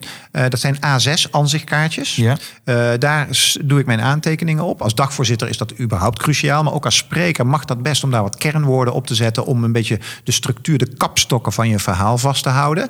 Heel mooi om daar het logo van het congres op te zetten. Als dagvoorzitter stop ik. Ik heb ooit één dagvoorzitter gezegd, gezien die deed het logo van zichzelf erop. Dus dat moet je niet doen. Nee, je doet het logo van het congres erop. Vinden, or- organisatoren vinden dat heel fijn als jij aankomt. Ze kijken je aan. Hey, je, Jij hebt hebt niks, je hebt niks bij je. En je haalt dan uit je binnenzak van je jasje. Daarom dat formaat. Past in je colbertje. Waardoor je dat niet de hele dag in de hand hoeft te houden. Ah. Yes, en, ik van, en, ik, en ik, haal Leuk. hem er, ik haal hem eruit. En ze zien dat logo. Worden ze helemaal blij van. Ik heb mijn aantekeningen. En ik heb thuis een standaard printerinstelling. En dat betekent als ik mijn voorbereidingen doe. Ik heb een Pages. Ik werk op een Mac. Pages document overdwars. Ik heb een printerinstelling. Dus als ik klaar ben met mijn voorbereidingen. Sowieso een goede manier om heel goed voor te bereiden. Omdat als je die Q-cards maakt. Loop jij als dagvoorzitter door het hele programma heen. En ik zeg appeltje P, ik selecteer Q-cards klein. En huppakee, die kleine kaartjes. Je ziet heel veel dagvoorzitters en sprekers met plakband en een puinhoop. Of met ja, los. Het ziet er niet uit. De slordigheid laat al zien dat het een puinhoop wordt. De strakke eh, Q-cards. Dus investeer in, niet zozeer in een printer. Maar als dat, is dat een beetje een goed antwoord? Ja, nee, dat vind ik een fantastisch antwoord. Ja. Ik vind het inspirerend. Ik had zelfs nog, ik was mijn notitieblokje dus, of mijn, mijn boek, dus een mooie journal, vergeten. Ik zat nog te twijfelen, ga ik daarop krabbelen? Toen dacht Ja. ik, doe het niet. Nee, Dan nee, doe ik nog nee. liever met niks, dan, dan- dat jij hier binnenkomt En, en krabbel nooit van de amateur. Ja, Ja. precies, precies. Ja. Goede cue-cards. Ja. Te gek. Stel je voor, je mag een uithangbord plaatsen. Wel miljoenen mensen langs gaan komen. Wat zou jij dan op dat uithangbord plaatsen? Er moet meer geknuffeld worden. En dat, is- ik zal je. Ja, hij komt voor een solist. Nou, die, die, die, die, die heb ik in mijn hele studententijd op muren gekalkt. In mijn studententijd deed ik aan nachtelijke graffiti-avonturen met medestudenten, met Hans en met eh eh, eh, Iben. Eh, en twee studentenmaten. En eh, dan waren we goed dronken en stoned. En dan eh, hadden we een spuitbus. En dan gingen we s'nachts. Want wij, wij vonden dat de wereld liever moest worden. En we hadden een spreuk. En die knalden we op die muur. Ik had ook buttons. Dat was nog de tijd dat je buttons droeg. En die verkocht ik. En die waren heel geliefd. Eh, want dat is een beetje wat tegenwoordig zie je dat wel eens van die worden er gratis knuffels uitgedeeld. Ja, met Nou, dat, eh, ja, dat gebeurde eigenlijk in die tijd toen ik student was, had ik dat ook al een beetje in me. Dus ik vind, als we nou, het heeft weinig te maken met ondernemerschap, maar als ik aan de wereld om me heen kijk en ik zie wat er allemaal gebeurt en, eh, en ik kijk naar mezelf en ik doe het ook in mijn gezin veel. We zijn redelijk aanrakerig en dat ben ik ook in mijn werk. Ik na een goede presentatie en als het lekker klikt, dan laat ik zo zeggen in, in de helft van de congressen denk ik dat ik minimaal één knuffel geef. Ja. Dus er moet meer geknuffeld worden. Mooi. Dus er schuilt een stiekeme hippie in Ronnie. Yep, peace baby. De volgende vraag stel ik wel, maar hoef je geen antwoord op te geven. Want daar heb je al, heb je al naar gerefereerd. Mijn, de vraag die ik altijd stel, wat is een voorbeeld of inspiratiebron voor jou? Ja. Waar je zegt, daar doe ik niet aan. Of is er toch iemand die eh, omhoog popt? Iemand die jij ambieert? Clairtje. Je vrouw? Ja. Mooi. Wat is een muzieknummer wat jij graag luistert voor of na het spreken? Heb jij een anthem? Ik heb, nou, dan ga ik echt een compliment geven aan een vriend. Ik heb namelijk heel veel vrienden. en, ik heb er toch wel een paar. Hele oude vriend van me. Eh, dat is absoluut een vriend. Han, Han Laume.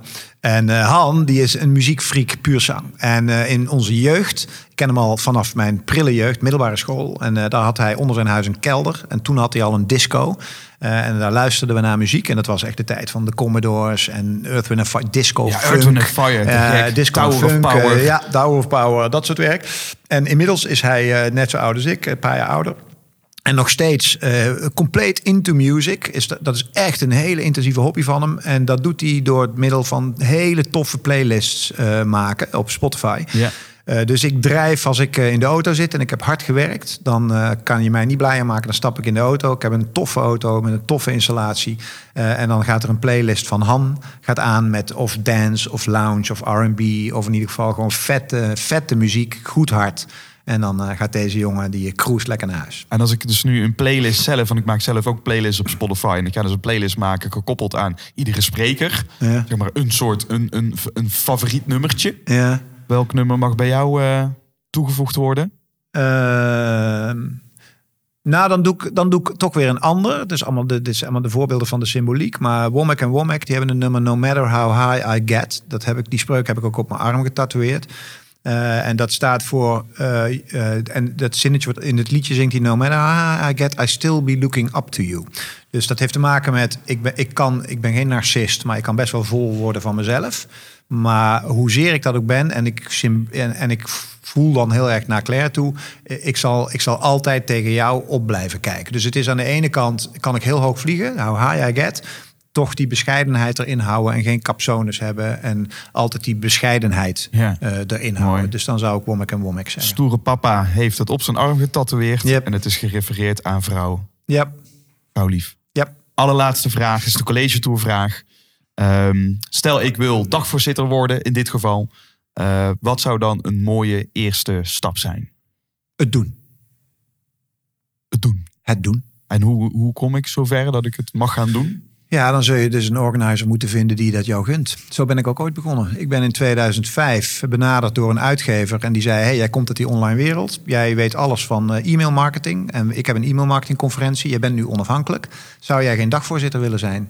Ik zei: Als jij mij uitlegt wat het is, dan wil ik dat wel zijn. Ik wist nog niet eens wat het was. Eh, en hij zei: Je lult aardig. Jij weet eh, er veel van. Dus wil je dat doen? En ik denk wel dat jij dat kan.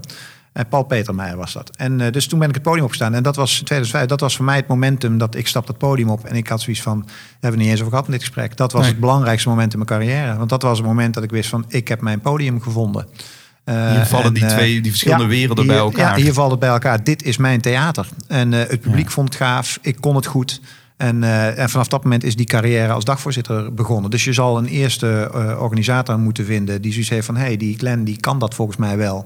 Hij heeft geen ervaring, maar eh dat gaan we doen. Ja. En dan gewoon doen. En daarmee is het cirkeltje rond. Yep, Ronnie, dankjewel. graag gedaan.